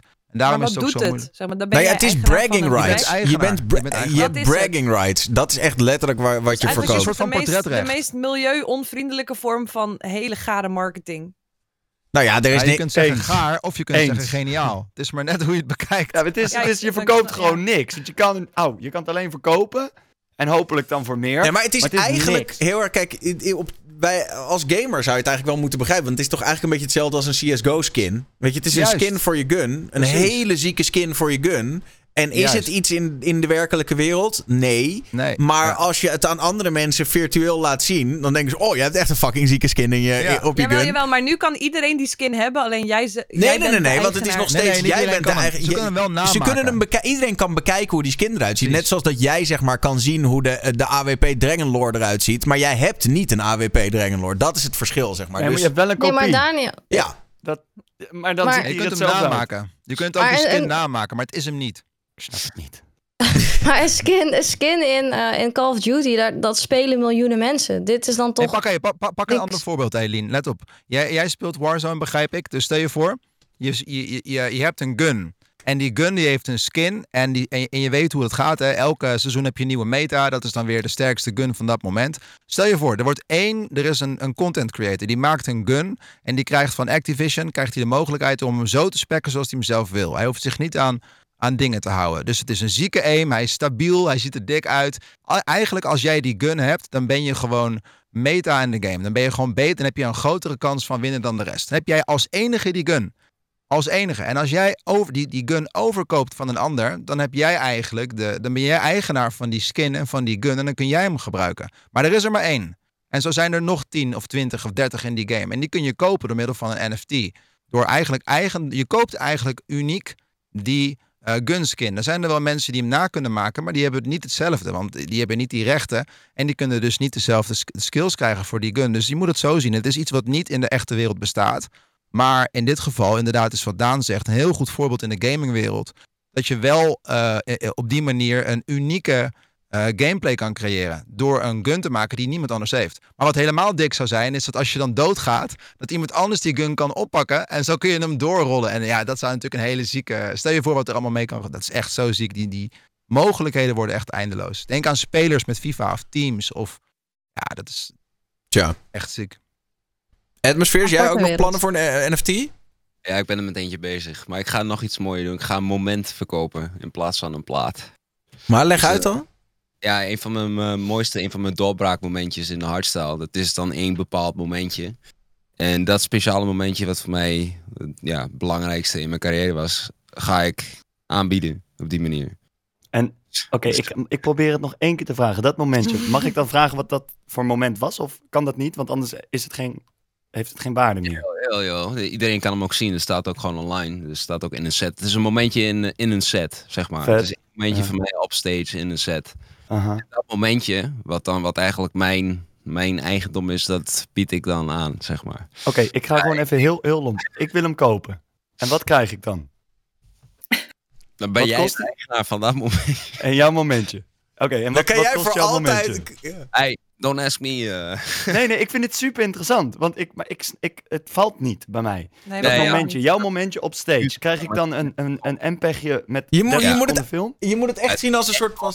bragging right. Het is gewoon als de mega fan van iets of wat dan ook Het is gewoon. gewoon net als Patreon Ik heb, eigenlijk. wacht even, ik heb toevallig hier iets fysieks wat precies de NFT is. Dit is wat ooit, dit heeft BNN ooit bedacht toen ehm, eh, eh, ze, ze gingen van pand verhuizen. En ik werkte toen bij BNN en iedereen heeft zo'n ding gekregen. En het is een stuk tapijt. En er staat certificaat van echtheid. Met dit certificaat van echtheid garandeert BNN de echtheid van het stuk tapijt dat hierboven is bevestigd. Als zijnde een deel van de vloerbedekking van het BNN hoofdkantoor in Hilversum. Het tapijt is gelegd op 1 mei 2000 en is verwijderd op 28 augustus 2008. En dan staat er een datum bij en een handtekening. En dat is basically wat je dan krijgt van het momentje van Atmospheres. Dus ik ben dan officieel eigenaar van dat moment. En ik heb er een soort van certificaat van. Maar ja, iedereen kan verder nog steeds naar dat tapijt kijken. En, maar ja, ik ben er dan eigenaar van. Dat is het basically. Eigenlijk moet die persoon die dat dan koopt ook wat mogen zeggen door de mic van Atmospheres tijdens een optreden. Als certificaat van echtheid. Het is echt een soort verzamelaarsding. Zeg maar. Ja. Oké. Oké, ja, ik, eh, het is bij mij nog niet het geval. Ik ga nog wel even opzoeken. Eh, hebben jullie al meegekregen dat DMX is overleden na een vermoedelijke overdosis? Zonde. Ja. Ja. Dus ik eh, kon er niet omheen op mijn Instagram. Mhm. Ehm, ja, ik wil jullie eigenlijk toch nog wel even, ik moet hem even bijpakken, een, eh, een stukje beeld laten zien van, eh, van de, de, de optocht. Even kijken of, dat, of dat ik dat kan vinden hoor. Eh, nou ja, in ieder geval, de, even kijken. Kan, ja, ik heb het gevonden. DMX's body leaving White Plains Hospital. Het was nogal een, nogal een happening. zijn, het verlaten van de, van de aarde van DMX. Hier, check dit. Oh, deze is fullscreen.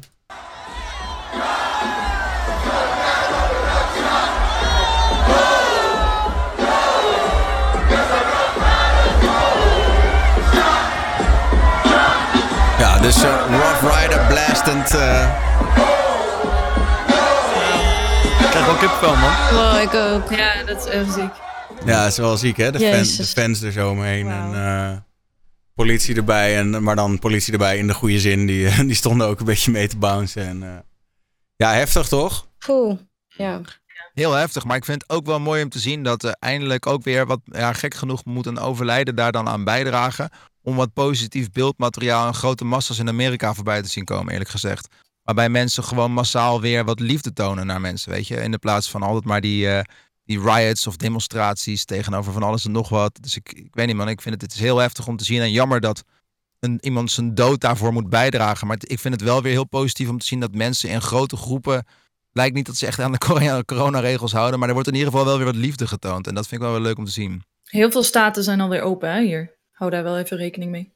Ja, ja nee, nee, bizar, nee, natuurlijk. Maar dat mensen dat ze gewoon helemaal niks doen met.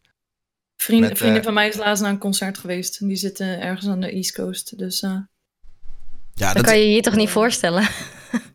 nee, ja, hier nog niet. Amerika maar- verhuizen. En dat is- Ah, maar is dat dan echt gewoon... Sorry, is dat dan echt gewoon de vaccinaties die zo hard gaan... waardoor dat allemaal weer kan? Eh, ik weet, sommige, sommige staten zijn natuurlijk eh, iets meer eh, van de oude stempel. En die zeggen gewoon wij gaan open. Eh, dat zijn vooral de staten in het midden en, en de- de- waar niet zoveel mensen wonen. Eh, ja, ik ga het gewoon zeggen. a- Ach, achterstand. Achterstandstaten. Conservatieve, zeg maar. Ja, van oh, we doen ook economie voor de mensen. Eh, vandaar dat Californië ook eigenlijk best nog wel laat is. En, en mensen aan de West Coast waar ik zit is natuurlijk iets later. Ehm, maar ja, dat, eh, ja en sommige middenstaten zijn gewoon echt al open. Heel vreemd. Ja. Ja, Florida was wel een van de eerste die open was, hè? Florida is natuurlijk best wel een rijke staat tegenover omdat er veel oudere mensen wonen, begreep ik. Dus eh, die waren al een van de eerste. Maar die, eh, het lijkt ook wel, die clubs en alles zijn daar volgens mij nooit dicht geweest. Als ik dat zo die filmpjes zie van collega's, die zijn gewoon, zie ik gewoon, zie ik gewoon feesten en, en, en alles is gewoon open. En dan zitten we daar gewoon lekker eh, thuis bij ons tv'tje te wachten tot we weer in ieder geval een fucking biertje mogen drinken. Het is Ja. toch, het, eigenlijk is het, zeg, ik vind het echt zo raar. Maar wel positief dat het daar in ieder geval wel weer een beetje gaat leven. Ik vraag me alleen af, mogen we daar al naartoe zo meteen? Want wij moeten dus een, hebben een festivalaanvraag gekregen. Ik weet niet of jij dat weet, eh, Tony, misschien heb jij die ook wel gekregen. Voor EDC Vegas. En ehm, daar kunnen we dus naartoe, maar we moeten twee weken in een non-Schengenland zitten. En dat is al in mei. Dus Hé, wacht even, sorry. Dus van- je, je kan er naartoe, maar dan moet je twee weken in een non-Schengenland, dus een niet-Europese Ja. Unieland. Ja, dus eh, Mexico Quarantaine of eh, bedoel je? Canada moeten we in quarantaine. Want we mogen niet direct Amerika in. Dus dat is wel nog even een dingetje. Maar het is al in mei, dus dat is wel weer fucking positief nieuws. Maar sowieso een visum Maar ik ben in Taiwan geweest, hè, Nick. Daar het hoeven ook wij niet, want wij hebben een O1. Dus wij kunnen gewoon daarheen wanneer we willen. En blijven voor 170 dagen volgens mij per jaar. En als je daar boven komt, dan moet je alleen belasting gaan betalen in Amerika. Maar eh, en mensen die met je meereizen zitten op een O2. Daarvoor hoeven wij geen visum of een ESTA aan te vragen. Dat is lekker. Maar, maar eh, ja, Tony die heeft het inderdaad voor Azië gedaan, twee Ja. weken quarantaine. Maar ga je het ook doen? Ga je nu dan, heb je zoiets van, ja, ik wil wel zo graag weer die show doen dat ik ook even twee weken in Mexico in quarantaine ga? Nou ja, kijk, ik, ik, ik weet niet of dat de mensen in deze chat weten wat EDC is, Electric Daisy Carnival, maar dat is wel een van de allergrootste festivals. Denk aan een mainstage van 90.000 man in. Een beetje Tomorrowland, maar dan Amerika, Ja. toch? Precies, kijk, en ik zal je zeggen, als ik die kan doen, dan, dan denk ik echt van ja, weet je, die moet ik gewoon pakken. Of ik daar nou twee weken voor een quarantaine moet of niet, maar dat is zo'n gigakans. En ik denk ook gewoon dat dat gaat zo'n een, een, een, een bevrijding zijn mentaal, dat er eindelijk een keer weer wat gaat gebeuren. En ja, alleen, ja, het is een beetje kut dat je die duizend van die staven in je neus moet en zo, voordat je heen en terug bent gegaan. Het is, het is wel even hassel, maar ja, dan heb je wel weer eindelijk een normaal gevoel van leven terug. Echt wel ziek. Ja. Nou ja, ik, Lekker, ouwe. ik hoop ook dat kan. Ik Ja, als je dan toch EDC kunt doen. dat sowieso, ja, dat is wel even lekker. Ik, eh, ik heb er nog een klein inhakertje op. Field Lab, dat is die organisatie in Nederland die zich bezighoudt met eh, kunnen, kunnen we straks weer concerten doen en zo. En die zeggen ja, we hebben nou die, hebben die testevenementen gedaan. En die zeggen ja, het moet allemaal wel weer kunnen. Met ongeveer de helft van de bezoekers van een normaal evenement. Ja, ik zag dat Merel aan het eind van april in de Melkweg staat. Kevin ook, ja. Ehm, En het stond, bij testconcert of testevenement inderdaad. En dat ze dan snel testen aan de deur gaan doen en daarna gaan kijken, ehm, zeg maar als iedereen negatief test aan de deur, of er dan überhaupt mensen met nieuwe besmettingen zijn na zo'n evenement. Ehm, ik vind dat super hoopvol. Ik ben heel blij dat dat gebeurt. Dat is wel cool. ja, Maar het wordt allemaal niet zo maar- hoopvol gebracht. Want met die festivals met 2000 man, dan zijn er 16 besmettingen. Maar het wordt niet gebracht als hoopvol. oh ja, het nieuws Toch? daarna bedoel je? Of het van tevoren? Nee, gewoon. Het, het is dan bekend. Oké, dan is het 80% is eh, daarna getest of zo, of meer. En dan ja, het zijn 16 besmettingen. Maar eh, er wordt niet gezegd dus, ja, dat is goed nieuws. We kunnen. Of, Nou, dat is wel een beetje wat ze nu zeggen, toch? Field Lab Ja, zegt nu van ja, zo? het kan, het kan wel. Eh, Zij zeggen van nou, we hebben onze eerste resultaten tonen aan dat, we wel eigenlijk, dat het eigenlijk echt wel weer kan. Maar mensen moeten van tevoren gaan testen en er moet dit en er moet dat. Maar het kan wel, ja. Hmm. Oh, ik heb er zo'n zin in. Ja. Ja, ik, ja, ik ga Ik pas ook. juichen als we gewoon echt all the way. Maar ja, ik hoop dat het eh Hoe denken jullie dat de zomer gaat eh, verlopen? fuck up. Ik denk rommelig. Heel rommelig. Iedereen, We Ja. hebben gewoon volgend jaar, voorjaar, hebben we gewoon allemaal babyboomers, denk ik. En weet je waar ik gewoon een beetje bang voor ben? Ze gaan nu heel erg aan het focussen op augustus. Eh, wij vanuit IDT natuurlijk ook met Mysteryland. Alleen, stel het mag wel, dan heb je gewoon 100 festivals in een, eh, in een weet ik veel wat voor korte tijd. Ik vraag me af of er wel genoeg, weet ik veel, beveiliging, E EHBO, eh hekwerkers, van alles. Weet je, is er wel genoeg om dat allemaal te kunnen doen? Want een hele heel- goede vraag. Want heel veel van die mensen die, die, zo'n bedrijfje hadden, die zijn behalve de ambulancemedewerkers dan, maar stagebouwers en zo. Eh, van de week had ik een call met Armin. Er zijn heel veel mensen, Armin eh, van Buren. Er zijn heel veel mensen die zo'n bedrijfje hadden, die gewoon hun business kwijt zijn nu. Omdat ze ook al zo lang niks hebben kunnen doen.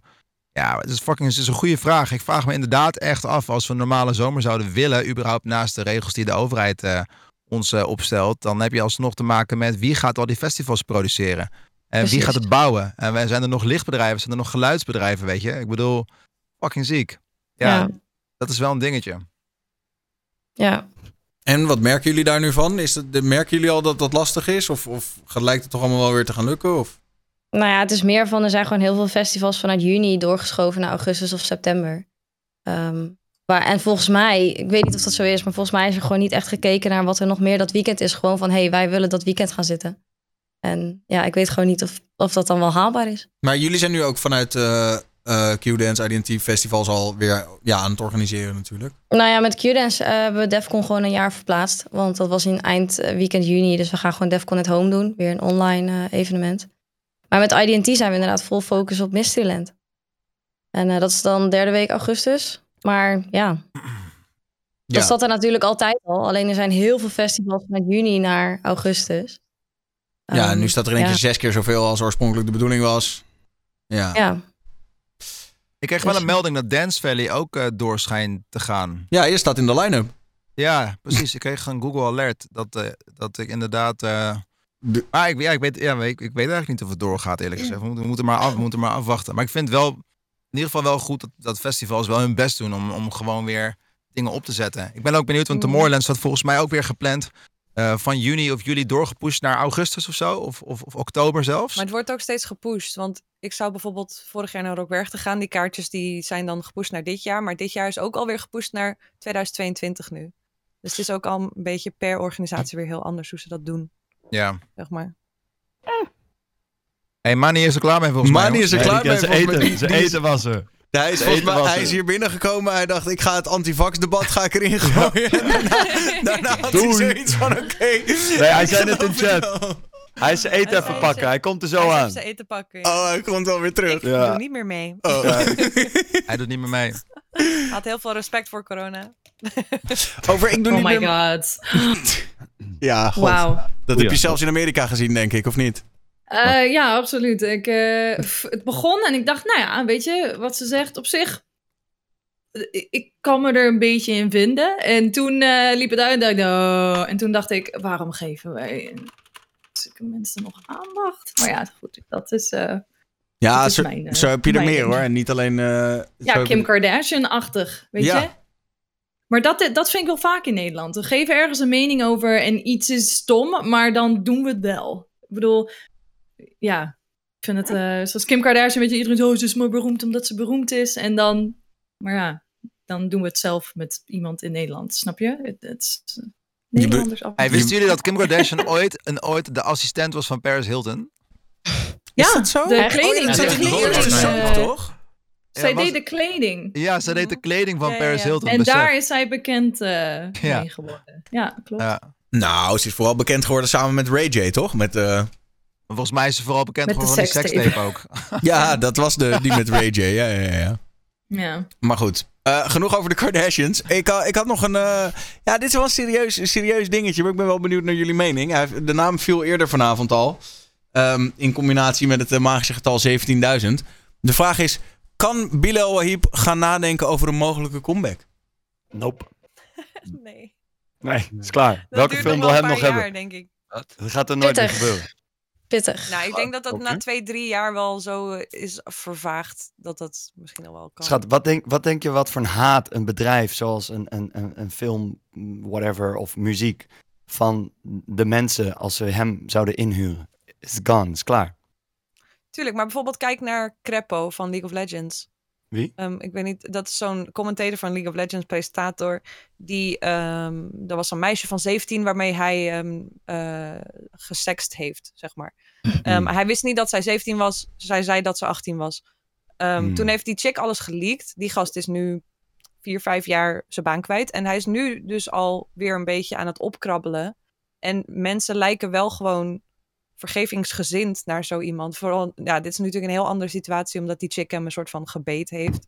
Maar ehm, ja, zelfs in die situatie duurde het dus vier jaar of zo voordat hij weer een beetje kan nadenken over in die scene werken. Ik zit een beetje te kijken naar de chat. Eh, er is best wel duidelijke mening over ook. Ja. Maar ehm, ik zie ook de naam Dotan veel vallen. Maar ik denk dat Dotan wel iets anders is. Ik bedoel, eh, Dotan was natuurlijk een artiest die, die op een gegeven moment in het nieuws kwam. Omdat hij eh, allemaal fans blijkbaar had, eh, zelf had gecreëerd. Dat hij zelf de radio ging bellen en allemaal bots had ingeschakeld. En met andere stemmen ging, eh, zijn eigen platen ging aanvragen. Dat was natuurlijk heftig, maar dat is natuurlijk niks in vergelijking tot wat, wat Bilal nu mee het nieuws in, in, in is gekomen. Wat heeft Bilo? Sorry, het is gewoon, eh, dit is gewoon echt fucked up. Ik kan niet anders zeggen dan, dit is een hele moeilijke situatie. Dat, mijn Maar Dotan en Bilal... wacht, wacht even, Tim, heb, jij, heb je het gemist? Ja, ik, heb dit, eh, ik leef onder een steen blijkbaar. Nou, dan leef je wel echt onder een steen. Oké, wat er gebeurde is... eh Bilal Wahib, die heeft natuurlijk eh, hits... maar hij speelt ook in Mokro Mafia... en dat doet hij onder... speelde... Ja, we zijn er. Top. Ja. Je weet het al? Laat je piemel zien. Juist. Eh, ja. ja. Eh, nou ja, dat. Ja, sorry. Wat, wat zei jij, Tony? Ja, ik, ik, dus zijn naam was even Wat vervaagd. zei, Nou weet ik weer. Ja. zei ik iets? Nou ja, ik weet niet. Maar, wa- maar, maar Tim, wat denk jij ervan? Kan die jongen ooit nog terugkomen na dit? Ja, het is wel heel lastig. Je hebt wel meteen eh, alle bedrijven die ook, eh, ja, die, die- gaan er gewoon meteen, zijn er meteen klaar mee. En om dan alsnog uit zo'n dalletje te kruipen, dan moet je echt wel met, ja, ik weet niet of tijd dit goed kan maken, weet je wel. Misschien kan hij met Harvey Weinstein samenwerken. Internet. En Jeffrey Epstein. Ik weet weer wat ik zei. Over, we hadden het ineens over Dotan. Terwijl ik dacht van, huh, Dotan, dat ging over Instagram bots en zo. En dat is toch wel een heel ander level. Ja, maar die had wel. Ja, oké, maar die had wel letterlijk iemand met kanker verzonnen om, om zichzelf Ja. daar goed uit te laten komen. Het was ook behoorlijk. Maar het eh, was niet ja. een vergelijking. Ik bedoel, Tony, dat zag ik in de chat veel naar boven komen. En dus ik probeerde duidelijk te Mm. maken dat inderdaad hij even onder een steen heeft gelegen en heeft ondergedoken. Maar met Bilal is het gewoon een veel moeilijkere situatie. Want vooral die minderjarigheid, weet je, dat maakt het zo complex, jongen. En het is, je hebt te Mm. maken met, het, met, met die jongen, met die familie, met, met wat dacht je van de metadata in Google? Stel je voor dat al, heeft, al krijgt hij een straf. Dat is één. Nou, een straf lijkt me wel terecht. Ook al geloof ik persoonlijk niet dat hij eh, zoals hij in het nieuws werd hij echt weggezet als een pedofiel. Ik, ik, dat geloof ik gewoon niet helemaal persoonlijk. Maar goed, dat is per persoon verschillend. Ehm, maar wel een enorm domme grap natuurlijk over hoe dat is overgekomen. Ja, dat, dat kan natuurlijk niet. Maar, maar ik geloof dat het, de straf is nog niet eens, eh, denk ik voor hem, wat er vanuit justitie gaat komen. Maar wat denk je van, van Facebook en die al zijn accounts heeft opgeschort de rest van zijn leven? Ja, nou Eh, ja, dat is vind jij dat terecht, ja En wat denk je van de metadata? Ik vind dat De- onterecht. op Google, op Google zal altijd naar boven blijven komen. No matter, ik geloof niet dat dat over vijf jaar of tien jaar weg is. Dat hij wordt voor altijd verbonden met deze zaak. Door alle hits op Google, op al die websites waar hij terecht is gekomen. Maar dat is fucked up, man. Dat is echt moeilijk. Oké, maar Nick, Nick, luister. Vind je het terecht dat hij nooit meer op Instagram gram mag? Ja of nee? En ik vraag het aan iedereen. Ja of nee? Daniel Lippens zei heel duidelijk nee. Maklev, Ehm, Ja of nee? ik- ik- gaan ja, we erna lullen? Nee. Lien, Boah, ik vind het heel lastig. Nee. Jean, Ehm, mm, nee, vooral niet na dit. ja of nee? in, ik neem aan dat hij... er Atmosfeers. Oké, sorry. Nee. Gaan zo lullen. Weet ik niet. Ja of nee? Moeilijk, ja. eh. Ik bedoel, hij is zelf ook nog best wel jong, hè. Dus, Ja of nee? Drillmaster Tony. Ja, ik kan je niet echt over oordelen, man. Nee, ik, ik denk dat de skip. vraag een beetje Nicky lastig is, en Tony. Nee, ja, het is niet lastig. Is het terecht dat hij Nee, nee, nooit nee, meer op je moet Instagram... kijken Ik naar vind het, waarom ja. die, je moet Je kijken naar waarom ze hem hebben geband. Het is Ja, namelijk jongens, het is niet toch heel simpel. Je bent 18 jaar, je doet iets, je hebt ineens heel veel volgers, je bent super populair en dan ga je zoiets doms doen. Nou, dan moet je op de blaadjes zitten. en als Ja, dat is dat maar je niet meer op Instagram ja. zit. Ja, maar ik denk dat dan de rest van je leven misschien... Ja, misschien ik dat vind hij, dat ook hij, niet mag, hij mag vind leren dat van de fout op zich. Ook, ook al is het absurd wat hij gedaan heeft. Maar Ja, Nou, je moet kijken naar waarom die, kijk, waarom die geband is, is omdat hij publiekelijk op een platform een, een kind zichzelf heeft laten uitkleden. Nou mag je sowieso al geen nudity post op Instagram. Laat staan van een minderjarige iemand. Ja, dus maar de dat- reden, ja. dat is de reden dat hij is geband en niet om een grap die hij heeft gemaakt. Dus uiteindelijk als je het bekijkt vanuit de richtlijnen van Facebook, hebben ze een terechte ban gedaan. Hè? Ik bedoel, er is iets te laten zien. Alleen wat ik heftig vind, is dat hij ook de rest van zijn leven niks meer mag aanmaken. En dat Ja, is natuurlijk terecht. dan Ja, op een je hebt- gegeven moment... je hebt een kind- Zelfs gevangenen. ik, Ja, ik zelfs- snap niet dat hier zoveel eh, tegenstand in is. Ik ben dus blijkbaar de enige die... eh, nee, ja, nee, dus ik begrijp het ook niet. Ik Nee. vind Oh, het oké. echt... ja, sorry, ik eh, was nog... Ja. Gewoon Ja, geen sorry, ik Instagram meer, doei. Ga maar lekker eh, ander werk zoeken dan. Ja, dikke prima. Dag eh acteur. Ja, dag, eh, zo. maar dat ja, vind nee, ik ja, wel- Daniel, Denk je kom dat hij op dit man. serieus nog een keer zou doen, mocht hij wel een Instagram-account mogen maken? Wat zeg je? Er is toch zo weinig risico. Stel, hij mag wel weer op Instagram.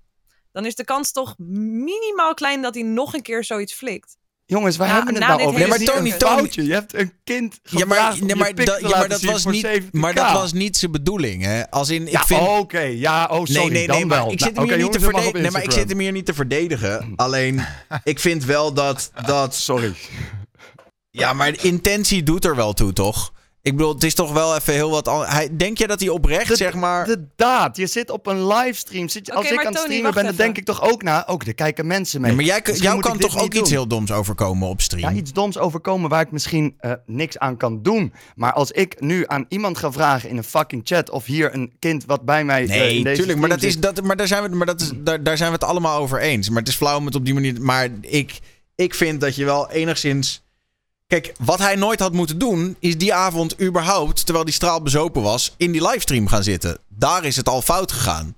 Maar ik, ik denk niet dat hij erin in is gegaan met de intentie... wat jij net zegt, om een kind zich te laten eh, exposen op stream, zeg maar. Oké, maar wat heeft hij gedaan? Zeg maar eens in één zin, wat heeft hij gedaan? Wat heeft hij gedaan? Een zeer misplaatste grap op een zeer misplaatst moment. Nee, wat heeft hij letterlijk gedaan?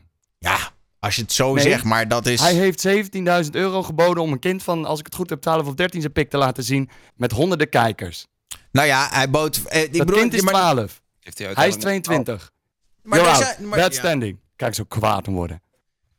Ja. Nee, maar ik, ben, ik zit me nu op te Nou, fokken. Maar, ik maar- word Maar ik snap, ik vind, ja, Ja. maar, ja, maar ik, ik vind het een beetje flauw dat je er zo kwaad op wordt. Omdat je weet namelijk ook dat hij helemaal niet met die intentie erin ging. Sterker nog, als je het hele fragment hebt gezien. Hij wilde die grap uithalen met zijn vriend.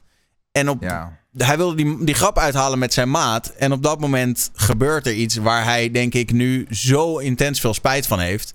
En Ja. ik denk dat de straf niet in verhouding staat tot.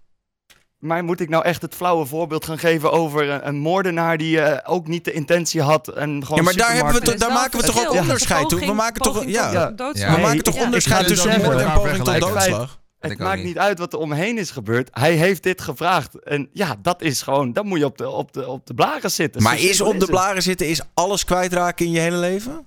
Ja, als Ik- jij ik een ben het publiekelijk helemaal totaal figuur met bent, Tony eens. je zit in films, je maakt muziek, Ja. dankjewel Bas Boom. En je gaat dit soort dingen doen op de fucking blaren zitten. Geen Instagram meer, geen social media. Ga maar lekker bij de kruidvat, kruidvat werken. Ben ik oprecht 100% mee eens.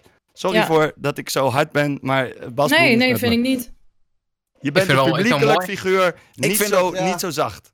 Ik vind dat En, vrij en hard. er is, het gaat ook niet ik vind alleen dat vrij om hard hè. voor is iemand meer van dan dat. 22. Maar hoezo meer dan dat dan? Nou ja, ik wil niet te veel eh exposen, maar er gaan toch wel filmpjes rond en eh, in de groepschats. Ik verwijder het altijd, want dat mag allemaal niet. Maar het is niet het enige, snap je, weet je wel? En ik, ja, daar moet je gewoon hard in zijn. De, de jog is 12, klaar. Je hebt eh, grapje, intentie, whatever. Je hebt iets gedaan wat niet kan. En dan mag je nog van geluk spreken dat dat, dat, dat het enige is dat je niet meer op Instagram eh, mag. Ja. Mm. Ja, oké. Nou ja, ik, ik, ik begrijp jullie mening. En het is ook, ik bedoel, ja. Er zijn Kijk, ook veel mensen... het ook niet dat in over zijn- tijd... Dat over tijd eh, dat het weer beter wordt, weet je. De- de- Misschien over een tijd is er wel weer een ander eh, producentenbedrijf of whatever... die dan zegt van, ja, we nemen hem wel weer aan. Het, hij is niet voor altijd alles kwijt. Al ben, hij- wat is die kwijt? Zijn ik zou dat wel Instagram-volgers. in- Nou, dat Ja. is niet helemaal waar. Hij is natuurlijk echt wel... Hij is al zijn- werk kwijt. Ja. Eh, iedere mogelijkheid om ooit nog, zeg maar, zelf in de picture weer te komen. eh, Ja. Ja. Nee, ja, maar ik, Ik ben, je eigenlijk wel, mening. ik ben eigenlijk wel heel erg Klaar. benieuwd wat, deze, wat, wat die jongen eigenlijk zelf te zeggen heeft. Want we hebben nou natuurlijk eenzijdig een filmpje gezien. En ik weet dat, het, dat de keuze is geweest bij Bo. Of, en dat vind ik trouwens ook een goede geweest. Dat zou veel te vroeg zijn geweest. Maar mocht het moment daar zijn. los van wat er aan beeldmateriaal is, ben ik wel benieuwd. Wat heeft Bilal precies te zeggen hierop, weet je wel? Wat is zijn... Of we het er allemaal mee eens zijn, is, is, is wat anders. Maar Nou ja, ik ben wel benieuwd. Volgens mij, heeft, volgens mij heeft hij erop ge- op, op gezegd dat hij gewoon echt dat het super dom van hem was. En dat, hij, dat het wel als grap bedoeld was. En dat hij zich het gewoon niet heeft beseft. Dat het besef hij ook, zei volgens mij zei ook, Ja. Er zijn natuurlijk, kijk, Nederland is natuurlijk ook wel heel erg goed in mensen afmaken. Hè? Ik bedoel, mensen vinden het ook heel erg leuk om iemand zijn kop eraf te hakken online. Voor elk klein dingetje. Ik kan me herinneren dat er er gebeurt elke week wel iets. En het, en het lijkt alsof negativiteit ook altijd veel harder gaat dan positiviteit. Nou, nou is het niet zo dat. Ik bedoel, ik wil het ook niet zozeer downplayen. Weet je, je moet gewoon. eh, en wat dat betreft heeft, heeft Tony wel gelijk, denk ik. Hè? Als je. Als je een fout maakt en, en daar moet je gewoon op de blaren zitten. Maar wat Ja. is een redelijke straf tegenover hetgeen wat er is gebeurd? En dat is denk ik wat jij probeert aan te halen, Daan. En ik denk nog niet dat iedereen eh, alle ins en outs... Ik heb het in ieder geval niet gezien over waar ging die stream precies over. Was het bij meerdere mensen gebeurd? Had hij die grap bij meerdere mensen uitgezet, weet je wel? En, en los van het feit Hij dat wordt iemand... nog gewaarschuwd. Ja, maar, hij dat, wordt hoor- nog dat, Oh, maar, 12 nee, ja, maar dat, dat hoort hij op dat moment ook niet. Want hij is dronken en hij is aan het schreeuwen, toch? Dus Ja, ouwe, ik sta ook honderdduizend keer op een podium lam en gek te doen. Als ik ineens iets doe en ik haal een kind op het podium en ik laat l- lul dan zien, dan weet ik toch dat ik stom bezig ben of Ja, ik maar ben dan- niet dronken. En als dan mijn kop eraf wordt gehakt, dan ja, dan is dat zo. Ik, ik snap niet dat jullie het zo, dat de, de, de eh, daad die die heeft verricht gewoon, dat jullie het nog een soort van, bijna, nou niet goed praten, maar een soort afzwakken. Fout. Nou, goed, ik, eh, I rest my tegenover, case. tegenover Nou ja, omdat jij het- dingen die Ja. Ja? Nou ja, ik wilde zeggen, jij trekt het echt gelijk met andere veel. Ik vind, omdat ik vind dat je het heel erg. eh, eh, Kijk, ik, ik zie het zo. Denk jij dat hij daadwerkelijk die piemel wilde zien? Dat Bilal daar, daar zat omdat hij graag een piemel wilde zien van dat jongetje. Denk je dat... hij- Dat denk ik niet. Nee. Maar dat maakt niet uit. Hoezo maakt dat niet uit? Ik denk dat dat wel degelijk uitmaakt. Ik denk dat intentie wel degelijk ertoe doet. Dat is namelijk het verschil Ja. tussen mo- moord en doodslag. Snap je wat ik bedoel? Dat is, Ja, oké, dan, dan is- is, de hij is daar niet naartoe gegaan. zien. Hij is daar niet naartoe gegaan met een, om het maar even zo te zeggen. eh, eh, Maar waarom vraag je het dan? Ja, om- ja, Nee, maar, Omdat hij tof wilde doen. Flexen, 17k, gaaf doen. Volgertjes, bam, lekker. Sinds Ja. 1, 2 jaar populair. nee, Ja, nee, nee. Ik gaaf. bedoel, waarom, waarom vroeg... Sorry, Oké, Bilal, de, grap is... eh, Het is een hele slechte grap en ik zou hem zelf ook nooit gemaakt hebben. Maar de grap was... Laat je piemel zien voor 17.000 euro. Oké, laat je piemel zien. Haha, maar je piemel heeft toch helemaal geen ogen. Dus hij kan toch helemaal niet zien. Dus je krijgt geen 17.000 euro. Dat was de grap. Ja, nou, en Ja. dat werd de jochie van 12. Ja, Maar waarvan... dat is ook waar het mis is gegaan. En dat is natuurlijk ook de complete misplaatsheid in die grap. En daar zal hij voor moeten boeten. Maar Ja. ik denk dat wat Daan probeert aan te stippen is het feit... was hij echt op zoek naar, naar, naar dat, dat dat jochie zijn piemel liet zien? Want ik denk oprecht ook dat niet eens zozeer... eh, los van het feit dat hij had gezopen en zo...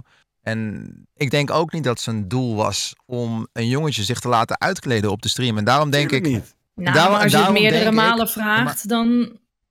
Nee, nee, Ja. nee, maar luister, je kunt het natuurlijk niet vragen aan een jongetje van, van die leeftijd. Overigens vind ik het überhaupt een grap die ik niet zou begrijpen. Als ik heel eerlijk ben, Nee. had ik hem nooit zelf gemaakt. Ik, Ik ook al niet. helemaal niet op een livestream.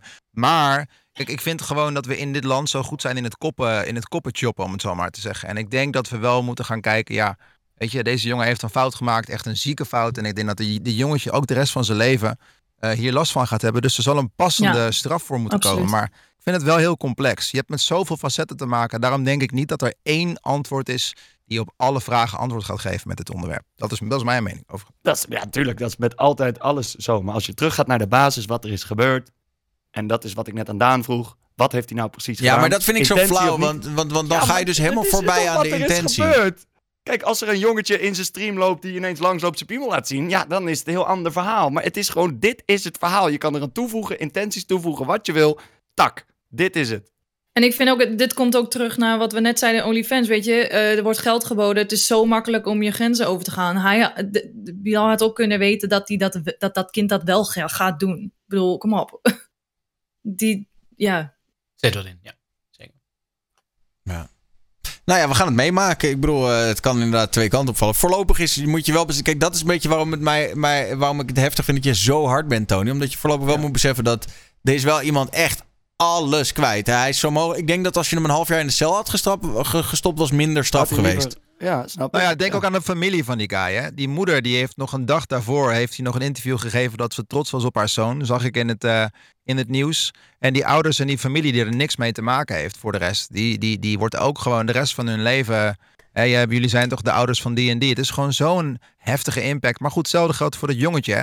Dus er zijn gewoon heel veel slachtoffers hier, denk ik. Daarom is het gewoon zo'n fucked up situatie waar denk ik niet één antwoord voor is.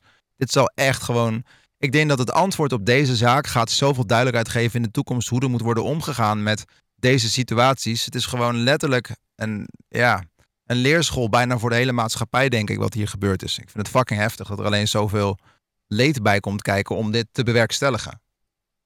Nou, ja, en dat gewoon. Dus hij, niet alleen ja. dat, er gewoon die wil. Ik vind om- het bijna zielig voor Bilal. Nou, dat vind ik het oprecht wel, ja. Ja, jongens. Ik heb, ik heb heel... eh, Nee, maar ja, nee, maar dat, ja, dat vind ik oprecht wel. Als in dat ja, je, ik ben gewoon anders opgevoed. Deed ik iets mis, kreeg ik gewoon een klap. Ja, simpel. En zo werkt het voor mij gewoon. Ik vind gewoon als je als mens iets fout doet, en zeker in het geval met een minderjarig kind, ja, ja dan, dan vind ik dat echt wel eh, heel heftig. En zo. Ja. En, en ik, ik vind afzwakken, of wat jullie ook zeggen. Ik zie ook, ik zit de chat een beetje te lezen en eh, ik krijg ook over, ja, als ik iemand een duw geef en die valt, dan heb ik hem vermoord over zeg maar de intentie. Ja, Nee, maar dat, Dat is is toch heel wat. ander Het is toch, kijk, het is toch heel wat anders of jij naar iemand toe gaat met een mes en je steekt hem zes keer in zijn maag. Of dat je naar iemand toe gaat en jij, jij eh, steekt je voet ongelukkig uit en hij valt en hij landt precies met zijn slaap op een tafel. Ja, maar dat is een foutje. Dat Dan is heb je een hem- ongeluk. Dit is toch Ja. geen ongeluk? Nou Hij ja, heeft dit- toch... Hij heeft, het Hij heeft gewoon gezegd, ja. laat je pixie voor 17k. Ja. Jongens, hou alsjeblieft Nee, maar waar het ongeluk hem zit. Oké, maar dan. En ik bedoel, ik, ik, je- ik vind nu ook, je drukt mij nu ook in een hoek waar ik hem nu best wel aan het verdedigen ben. Wat ik niet per se wil, maar ik vind wel dat iemand het moet doen. Want het is heel makkelijk om er nu zo op te springen. Waar de fout hem zit, is dat hij nooit de intentie had om dat aan een 12-jarige te vragen. Hij wilde dat aan zijn vriend Osama vragen. Dat zie je ook gebeuren in die stream. Hij joint die stream. Hij zegt: Osama, laat je lul zien voor 17.000 euro. Waarop dat jongetje zegt. eh, of Osama zegt: nee, dat ga ik niet doen. En het jongetje zegt: ja, ik doe het wel. En op dat moment gaat hij gewoon, laat hij zich meesleuren. En wat doet jouw brein dan op dat moment, Daan? Als jij dat te horen had gekregen. Ja, Mijn brein zou stop zeggen, maar op het moment dat Nou, jij 22 jaar bent, straalbezopen en je zit Mijn in een brein had die livestream. niet ja, gemaakt, dus dan is het hij is ineens bezopen en 22 Nee, jaar. nee, Maar je moet maar- ook, je moet ja. ook de bedrijven. eh, eh, je moet ook denken aan de bedrijven, weet je, Instagram en zijn productie en weet ik veel wat. Die moeten ook een voorbeeld geven. Kijk, als hun dat nou niet hadden gedaan en hun hadden hem gewoon zo door laten lopen, dan zet je ook een example van: oké, eh, als je dat dus doet, dat is prima. Laat iemand anders dat ook doen. Weet je? Dus kan je aan ieder kind maar vragen of hij zijn pik wil Ja. laten zien op Instagram. Je bent een publiekelijk figuur. Je bent in een jaar of twee jaar Ja. van nul volgers naar klopt 300, 400, 500.000 Ja. volgers. Als je dan niet met je bekkie een beetje gaat nadenken of je management Ja. even laat influisteren. Let een beetje op wat je doet. Ga Mhm. niet dronken op Instagram. Doe je dat wel? Bad standing. Ik ben het ook Ja. met je eens. Dat, Ja. oké. Ik bedoel, hij had absoluut niet dronken moeten gaan op Insta. De, de- ja, we zijn het denk ik ook wel eens. En wat hij heeft ik- gedaan, ik- ik praat ook ik ook dat- absoluut niet goed. En laat het absoluut niet eh, eh, lijken alsof ik hier zit goed te praten wat hij heeft gedaan. Helemaal niet. Alleen, eh, nou ja, ik kan me gewoon zo voorstellen dat het... eh, ik, ik, laat ik, het, laat ik, ik zit dan toch een beetje... die- Je, je, je was erbij toen ik dat eh, auto-ongeluk maakte op livestream. Mhm. En ik heb die fietser aangereden op livestream. Sterker Mhm. nog, ik was bij jou thuis toen dat Oh, op. Dumpert viral ging. Ja. Eh, ik stond in jouw huis. Ik heb twee weken lang heb ik echt de kutste weken van mijn leven gehad. En ik heb alles mogen Mhm. houden. Ik heb er geen euro door misgelopen. Ik heb mijn banen mogen houden, mijn geld, mijn alles mocht ik houden. En ik had twee van de Mhm. kutste weken van mijn leven. Echt, ik heb nog nooit op zo'n Mhm. laag punt. De hele wereld haat je. je. Al je insta's worden vol, volgespamd. Je wordt met de dood bedreigd. En dan kwam er bij mij nul. Is, moet je voorstellen, dus dat, dat gevoel gun ik al niemand. Niemand. Dat gun ik jou niet. Dat gun ik niemand, dat gevoel. En als daar dan nog eens bij komt dat je ook nog eens al je werk kwijtraakt. En geassocieerd wordt met pedoseksualiteit. Wat een van de ergste associaties is die je kan overkomen. Vind ik dat vrij heftig voor iemand van 22. Dat Ja. is wat ik zeg. ik ben het helemaal met je eens, maar... En ik, ik heb het inderdaad wat je zegt, dat heb ik meegemaakt. Maar bij jou, ja, is een foutje. Je was een beetje slordig. En dat heb zit ik voor ook mij hard op de blaren hier. moeten zitten. En dat vind ik ook jou- goed, weet je. je moet ook, als je een fout maakt, moet je ook op de blaren zitten. Maar, maar het moet wel een beetje in verhouding zijn. Als het hele land al over je heen valt... vind ik niet dat er nog per se 16 blaren achteraan hoeven. Maar dat is mijn mening. Ja. Maar goed. Anyways. Zullen we het over iets gezelligs hebben? ja, OnlyFans, jongens. Let's Heb go. je Iets heb je iets leuks? Want ik heb nog wel een lijst met onderwerpen. Nou, ik heb bijvoorbeeld wel iets vrolijks. Ehm, die belachelijke subathon van Ludwig is nog steeds bezig. Ik weet niet of jullie dat hebben meegekregen, maar het stond zelfs in het NOS-journaal. Nog steeds? Ja, Ja, ik heb het dus al drie weken lang in deze talkshow op zondagavond over de subathon van Ludwig. En iedere keer is het, eh, lang verhaal kort, hij, eh, hij probeert zoveel mogelijk subs binnen te halen. En iedere sub is 10 seconden extra streamen. Dus 6 subs is een minuut, 60 dit- subs is een uur.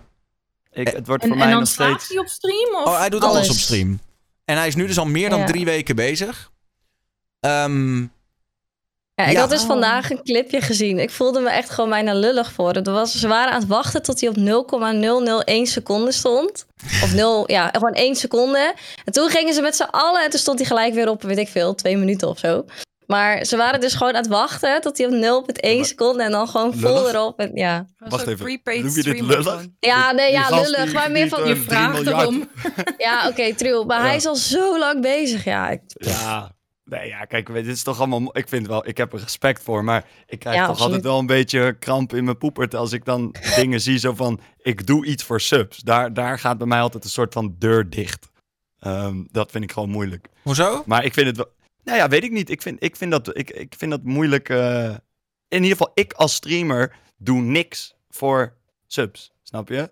Ehm, ik ga niet zeggen, ik, eh, ik, ik ga ehm, eh, yoga stretch doen. Of Nee, maar, je wordt, nee, maar uiteindelijk doet Ik iedereen iets voor wel. subs. Want jij, doet, jij wordt ook enthousiast en blij en je schreeuwt een beetje Tuurlijk. en er komt een alert Ja. en bla bla bla. Dus En doet- alerts, tuurlijk. Ik weet het. Dus, ehm, maar nee, ik vind, het, ik vind het wel heel vet. Maar om nou te zeggen lullig, ja, ik vind het wel, ik vind het wel grappig. Ik Nee, lullig. voor. Zo bedoelde ik het niet. Maar meer van eh, dat, het, dat ze gewoon expres wachten tot hij op 0,1 seconde staat. En dan of 1 seconde nog. En dan in één keer.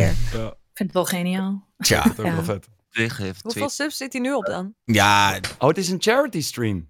ook deels. Het is alles bij Deels. elkaar. Maar onze, Hij heeft eh, twee ton subs of zo nu. 240.000. Jezus. maar onze serpent is toch ook druk bezig hiermee, of niet? Ja, die doet hetzelfde volgens mij nu, of niet? Ja, die heeft ook zo'n carbed gekocht, toch? Zo'n cars... Weet ik het. Ja, dat had hij al. Dat was mooi. Die had al Oh. voor. Ja, ja, ja. Dus eh, Rick is nu in Nederland bezig met de eerste subathon. Ehm, ja, en die heeft, eh, die heeft er ook twee weken voor uitgetrokken. en Misschien nog wel meer. Eh, Maar subatons bestaan echt al heel lang. Het is alleen nog nooit zo extreem overtrokken door de community, zeg maar. Ja, dat mensen er echt zo mee aan de haal gaan voor dit soort monsterbedragen en dit soort Ja, ja, enorme. want mensen doen, doen al heel lang subatons, maar na een tijdje stopt het gewoon en dan gaan ze gewoon offline. Zeg maar, dat is wat er normaal gebeurt met een subaton. Dan stream je misschien 24 uur of 12, of weet ik veel. Ja, ja. En En dan, dan zijn mensen uitgesubt.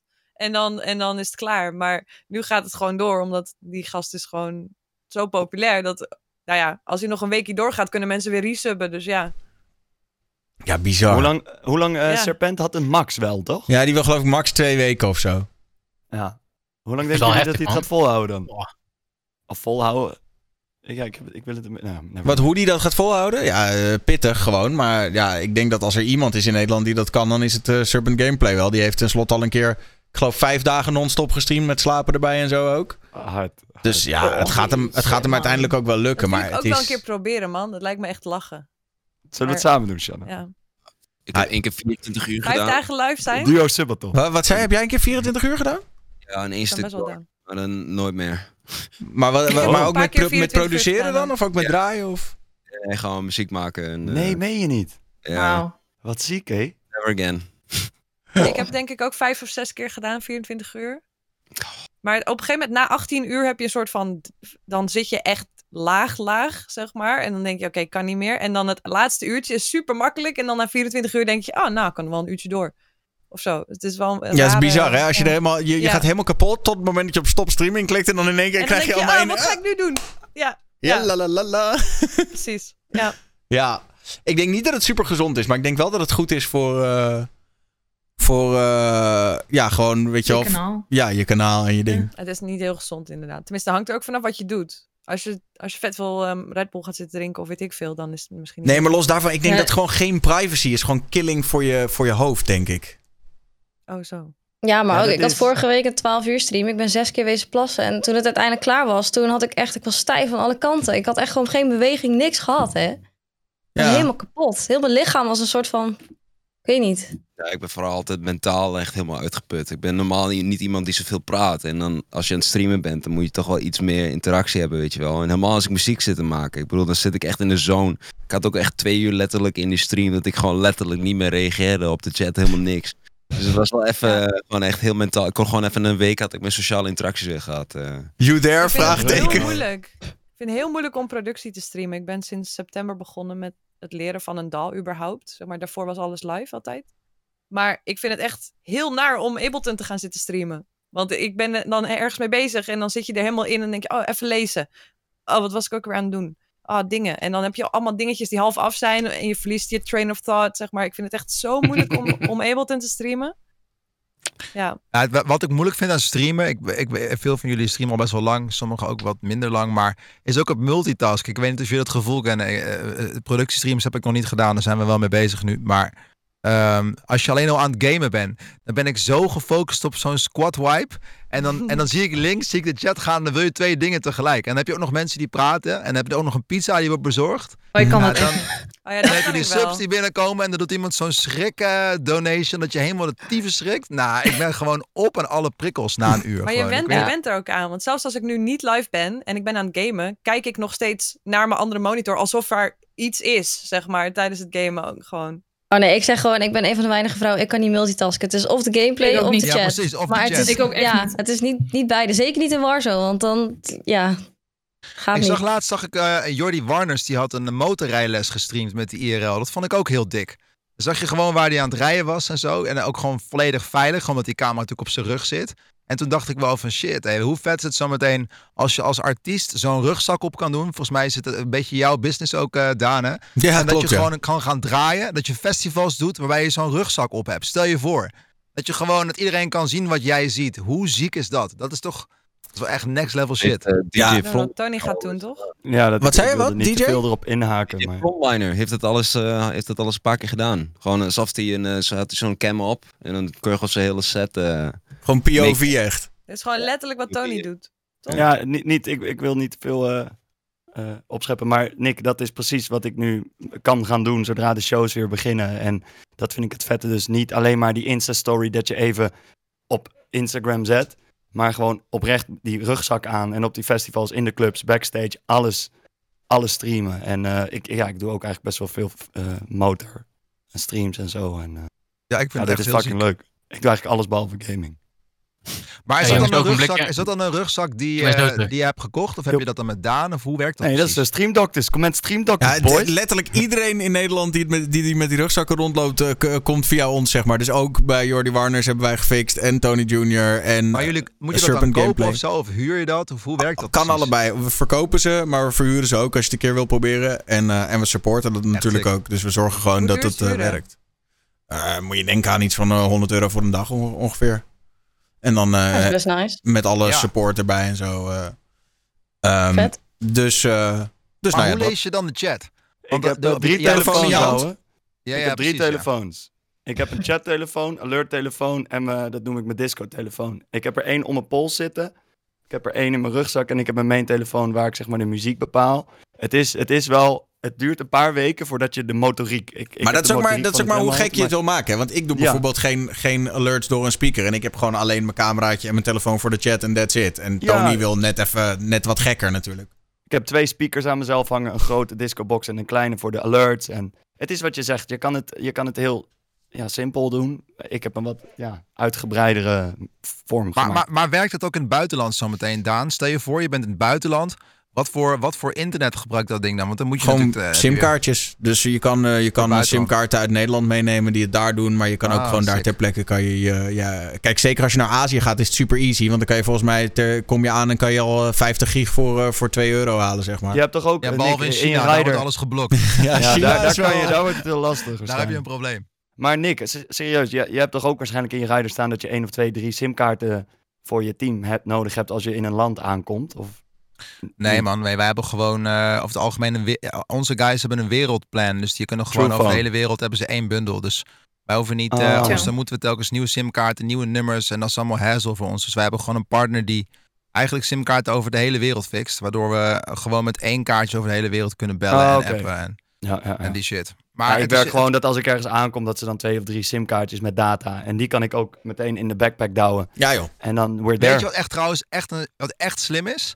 En dat is om, een, eh, om in je rider, en eh, voor mensen die niet weten wat het is, als je als artiest wordt geboekt, dan zijn er een aantal dingen waar je aan moet, eh, waar, de, de partij die jou boekt zich aan moet voldoen om jou te kunnen boeken. Hè? Dus die krijgen een tekst. Alleen blauwe M&M's.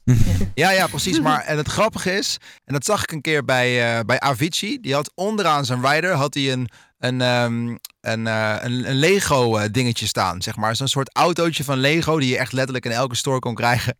En, en als ze die niet in de kleedkamer zagen staan, dan wisten ze ook dat ze de rest van de rider niet goed hadden neergezet.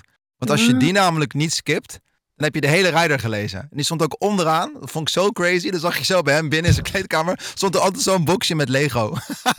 en dan wist je gewoon dat de rest van de rider er ook was. Maar ben je dan... vaak wel niet gewaardeerd als je dat soort dingen... Je hebt jongens zoals Dylan Francis wil- of zo. ik wilde net helemaal- vragen, is dat nou, Ja. zeg maar, is dat nou extra cool? Of ben je dan echt een lul Nee. als artiest? Nee, they, Nou, nee, nee, nee, Nee, maar luister, dat kun je wel zeggen. Maar je wil niet weten hoeveel promoters gewoon compleet scheid hebben aan Ja. wat jij precies nodig hebt. Want ik, om een voorbeeld te geven, je komt dan soms in een venue en dan, en dan heb ik bijvoorbeeld niet veel nodig. Er zijn guys die vragen echt veel. Maar ik wil gewoon wat frisdrank. Ik wil één of twee eh, eh, flesjes met, eh, met een of andere drank. Als ik met mijn team kom of wat vrienden mee heb. Dat in ieder geval wat te drinken is op vrijdag of zaterdagavond. En er moet wat kleine snacks of zo. Maar je hebt van die promoters, die hebben gewoon scheid aan alles. Ja, sorry, maar wij komen een tering eind vliegen. Weet je, we zitten soms tien uur in een vliegtuig. En het is echt niet heel veel moeite om dan even een paar snacks neer te leggen. Of laat staan een banaan. Er was één guy, een collega van mij die uit, uit, uit Zweden, die zei ja. ehm, ik vroeg letterlijk alleen een banaan en zelfs die banaan heb je niet neergelegd. En, en, en de, de, de eerstvolgende keer dat hij werd geboekt, hebben ze 400 bananen overal in zijn kleedkamer hebben ze die opgehangen. Nee, maar het, het mes snijdt een beetje aan twee kanten, Tony. Het, het is ook de promotors die er gewoon met de pet naar gooien. Dus eh, dat is natuurlijk een beetje de, de bottom line erachter. Nee, kijk, Ja. zo'n Zo. Lego dingetje is leuk, maar ik heb verhalen gehoord van DJ's die echt veel te ver gaan met dat je, je, je geeft gewoon zo'n promotor of een club heel veel hassel en dan denk ik van ja, het is een beetje disrespect. Kijk, een Lego poppetje is allemaal grappig, Dat- dat maar eh, ik, ik hou hem altijd heel respectvol en ik doe nooit grapjes. Ik heb wel een keer, wat jij zegt, ook een grappig verhaal. Ik weet niet meer wie dat was. Die er was een manager die moest dan de, de promotor moest een foto van de manager in zijn portemonnee hebben. Gewoon dat soort shit dat je echt denkt hoe verzin je het. Maar ja, ik houd het altijd ook gewoon lekker simpel. Een wodka en dan ben ik blij. Steve Aoki die zegt je moet 17 taarten hebben staan, anders kom ik niet. Ja, maar dat Zo, is maar dat is crazy. Dat, Dat is crazy. Die guy heeft altijd een, ja, minimaal iets van acht of tien taarten. Niet alleen dat, hè, ook een opblaasboot. Want hij gaat als met een bootje over het publiek Ja. heen. Hij heeft eigen van die eh gas tanks mee voor een of andere gas wat er dan in die boten moet. Bizar. Die guy heeft echt, die moet altijd een lokale bakker vinden die even de taarten kan bakken. En dat is best wel een opgave. Ja. Echt, eh, echt zieke shit. En mensen staan gewoon te trappelen om die taart in hun gezicht te krijgen. Hè? Besef. Sta je daar nog de rest van het festival? Nou, en dan dat- staan ze allemaal vooraan met cake me, met bordjes. En je krijgt gewoon letterlijk zo'n appelfly of wat het dan ook is. Het gaat Het is niet de meest meuren ook lekkere na een taart. tijd ook. Wat? In het begin is het nog oké, maar... Ik, ik zie één vraag over die rider. Een beetje krom, maar betalen de boekers dan ook niet gewoon de fee die er gevraagd wordt? Of betaal je eigen vliegticket? Oh, wacht, ik dacht dat het over de rider ging. Maar het is heel normaal om een rider te hebben als je eh Nicky boekt of Atmospheres boekt. Dat je, je, je betaalt een fee en om, ja, je bent op reis, je hebt jetlag. En dat je een soort comfort rider hebt. Dat je eh, eh, je drankjes en je eten gewoon hebt, zeg maar. Dus dat, is- dat, is, dat is gewoon normaal. Ik weet niet meer wie. Het kan wel Steve Aoki zijn geweest. Maar ik interviewde ooit iemand en die zei: Ja, ik heb altijd gewoon schone onder, nieuwe onderbroeken op mijn rider staan. En toen, We was, hebben die- er meer. en toen was de meer. logische vraag: was waarom? Ja, grap. Wanneer kan ik anders dingen wassen? Dus ik draag gewoon altijd nieuwe onderbroeken. Want ja, ik En heb ook niet sokken. echt- ja. Ja, Onderbroeken en sokken. Wat is het gekste wat jullie weten wat op een rider van een artiest staat? Deadmau5 moet je komen ophalen in een clownspak op het vliegveld. Hou op. Wat ziek. Echt? is ook echt iets voor hem, ja. Ja. Eigenlijk zou je zeggen een kattenpak. Als je zegt, als je dan Deadmau5 heet. Maar goed. Ja. Ik weet dat de Dubs eh, nieuwe Nike Air Max'en op hun eh, rider hadden staan. En als je dat niet had, dan deden ze geen show. Zeg maar. Netjes. Ja, maar dat vind ik dus, kijk, dat vind ik dan wel een beetje, dat Ja. vind ik dan een beetje too much. Ik ook. denk ik, ja, Ik- dat- bro, haal even je eigen schoenen. Eh, dit is Ja. niet meer een teken van, eh, lees de rest van je, van je rider even. Maar ik vind een boxer of een paar sokken vind ik helemaal niet raar. Nee, nee. En dat ga je mijn ook in- onderbroek in- vol tijdens mijn shows. In Whitney Houston's, eh, in Whitney Houston's eh, eh, documentaire, volgens mij hadden ze het daar ook over dat, eh, dat ze op, op het einde best wel een hele strenge rider had. En dat ze heel specifiek was. En eh, nou ja, de M&M's hebben we wel een keer gehoord. Ik weet niet meer wie dat was, maar alleen bruine Mariah Carey M&M's. of zo. Ja, ik, heb, ik Ja. weet echt, ik weet niet of het waar is hoor, maar ik heb ooit een keer ergens gelezen dat Beyoncé op de rider heeft staan dat ze dan eh, de kleedkamer waar zij dan verblijft op haar, ik voor zeg, zegt de Ziggo Dome, dat dat dan bepaalde kleuren, bepaalde leren banken, bepaalde alles moet wit zijn, helemaal geverfd zijn en zo. Anders komt ze Oh. gewoon niet. Wow. Oh jeetje. Ja, ik moet Maar ik zeggen weet niet dat of het waar is, Amerikanen hier wel vaak wat verder in gaan of zo. Volgens mij... De, Nou, zo- absoluut. absoluut. Ja, die gaan echt, die draven daar helemaal In in, alles. door. Ja, maar dan It's hoort the het land of opportunity. Maar Tony, jij hebt toch ook iets met je tourmanager? Die moet toch ook in stijl zijn of zo? Ja, nee, kijk, ik, eh, eh, mijn tourmanager, hij is nu acht jaar mijn tourmanager, ja, acht jaar, maar hij is eigenlijk mijn allerbeste vriend. En eh, hij begon als vriend en ik had een paar tourmanagers, kreeg ik aangewezen. En ja, dat, je zit de hele dag met elkaar in een vliegtuig en ik trok dat niet zo goed. Dus je moet wel echt iemand hebben. En hij werkte toen, eh, ja, gewoon bij de jaarbeurs, was die broodjes aan het smeren. En ja, hij vond het dan wel prima. En toen heb ik gewoon gevraagd van, ouwe, zullen wij dit samen gaan doen? Ik wil dat jij mijn tourmanager wordt. En dat vond hij, vond hij helemaal geweldig. Ik zei twee regels. Ik wil dat je altijd een pak aan hebt. En ik wil dat je altijd netjes en lief bent voor iedereen om ons heen. Snap je? Ehm, en dat pak is gewoon... Kijk, ik zie eruit als... eh, ja, hoe wil je het noemen? Trailer truis, als een gek, whatever you want to call it. En ik wil gewoon dat als ik aankom... is hij heel duidelijk het aanspreekpunt. The guy in the suit. Snap je? En eh, zodra ik aankom lopen met Brian... de beveiligers, de promotor, de baas van de club... het is meteen een soort... hoe zeg je dat? Mutual respect. Mhm. En het, het werkt gewoon supergoed. En het is ook nu een soort van unique selling point geworden... dat hij altijd gekke pakken draagt en zo. En, eh, ja, en hij vindt het zelf ook gewoon kicken, weet je wel. Maar, maar indoor, outdoor, 30 plus Ja. graden of vriezen? Gewoon... Schat, Las Vegas, 43 graden poolparty op een dak. Heeft hij een korte eh, broekpak laten maken. Maar toen is hij wel, toen heb ik echt gezegd, pik, doe het uit man. Je gaat echt dood nu. Maar hij houdt het gewoon vol. Ik, ik, ik, ik zeg niet van je moet dit. Hij, hij, hij is dit nu, snap je? Ja. En, eh, Ja, respect hoor. ja. Netjes, ja. Ja. Ja. Ik denk dat het een mooi moment is om, eh, om hem af te ronden, eh, eh, dames en heren. Ik vond het gezellig, maar ik wil wel nog even met jullie allemaal een beetje vooruitblikken op wat jullie nog gaan streamen de komende tijd en waarom mensen nog even bij jullie kanaal zouden moeten komen kijken. Ehm, laten we beginnen met eh, Floris, a.k.a. Maglev Music. Yes. ehm gamen op het ene kanaal. muziek produceren en draaien op Maglev Music. Ehm, en de komende, komende weken, maanden komen er een aantal releases van mij aan. En eh, daar eh, kijk ik eh, zeer, eh, ja, zeer naar uit. Nou, Dus, lekker. ja, dat- ja. Lekker man. Eh, Een beetje in dezelfde hoek als waar we gewoon een beetje het standaard stijltje, het, het Maglev stijltje zeg maar. Ehm, nog wat beter. Oh, Ja, kan je nog iets Lekker. verklappen of moeten we gewoon wachten? Nu ben ik ook benieuwd. Nou ja, kijk, ik heb natuurlijk eh, ehm, ik heb een, een jaar, eh, ik wil niet zeggen bijna niks gedaan, want ik heb zeker wel dingen gedaan. Alleen ik heb een jaar niks gereleased, omdat ik eh, ook eh, een fulltime baan ben gestart en toch even de concentratie daarop wilde focussen in, het begin. En nu heb ik daarnaast heel veel kunnen oefenen tijdens corona.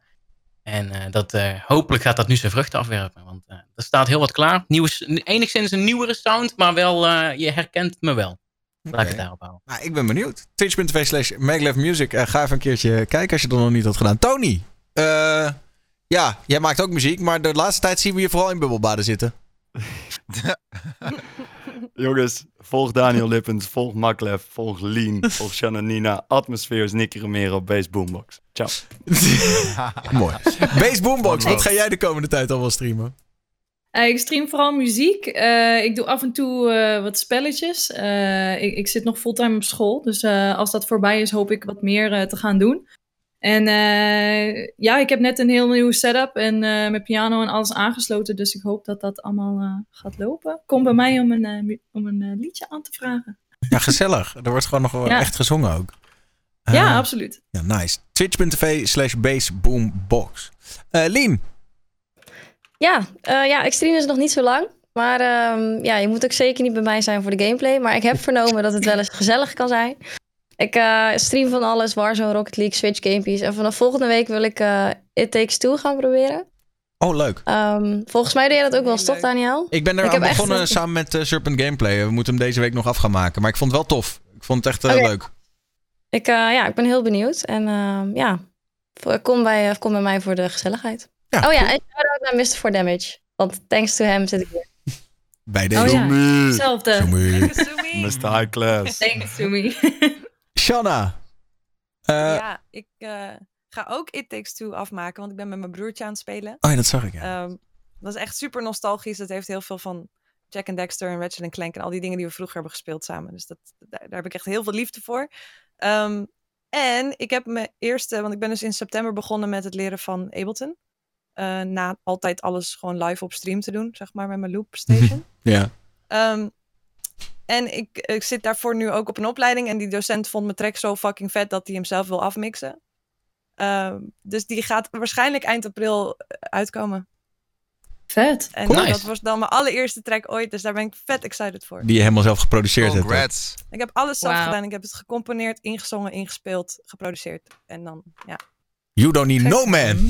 I don't need no man. Self-marketers. Independent woman. I don't need no... Ja, ik ben fucking trots, man. Ik ben echt heel trots op. En het is eigenlijk... Normaal maak ik best wel duistere, depressieve shit. En dit is eigenlijk een heel vrolijk zomerliedje. Maar ehm, ja, het werkt. En het is super catchy en het zit al twee weken in mijn hoofd. Dus ik ben, ik ben heel blij. Nice. Twitch.tv Ja. slash Shannanina of twitch.tv slash Shannanina NL. Eh Ja, ik stream eigenlijk niet meer in het Engels. Dus doe maar gewoon NL. fuck hem. Ja. nou, nice. Eh, Oké, nou, eh, thanks Shanna. Eh, Atmospheres. Ja, Tony, bedankt voor de shout-out. Eh, Let's get it. hey, als jullie eh, muziek maken en eh, je wil graag eh, iemand je platen af horen kraken, dan kun je ze altijd mee droppen. Dus eh, ik ben iemand die vooral meer op de technische kant altijd eh, bezig gaat. On my way. Je ook, Shana, mocht je, mocht je een nodig hebben, dan mag je altijd langs. Maar ja, Mijn nou, man kijkt regelmatig naar jou. die is net begonnen met DJ en die, eh, die kijkt regelmatig naar jou. ja, DJ-streams zal ik ook nog echt wat meer moeten doen. Maar ja, het is wel even wat anders dan eh, optreden. Dus het, eh, ja, anders. Ja. Maar ja, verder maak ik gewoon lekker muziek en eh, blijf gewoon lekker doorgaan met mijn album. Dus eh, ja, als je daar iets van mee wil krijgen, nu al, dan eh, ja, kun je altijd even langskomen. Ja, nice. En, nou, Thanks leuk. Ja. sowieso leuk dat je mee wilde doen. Ehm, Twitch.tv slash Atmospheres. Als je nog niet een, eh een suppie had of eh, een, een volletje had gedropt. Nick, Yo. jij bent veel Ja, Warzone zoals altijd, hè? ja. Nou ja, ik vond het sowieso leuk om hier weer eh, bij te zijn. Dus thanks voor de invite, eh Daan. Ehm, en ook leuk om al deze mensen te leren kennen. Los van dat ik kan To- Tony en, en Tim een klein beetje kende al. Die een keer bij ons iets heeft willen doen. Super tof.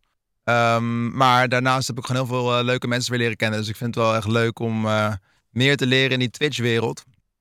Ehm, ja, ik doe vooral eh, muziek.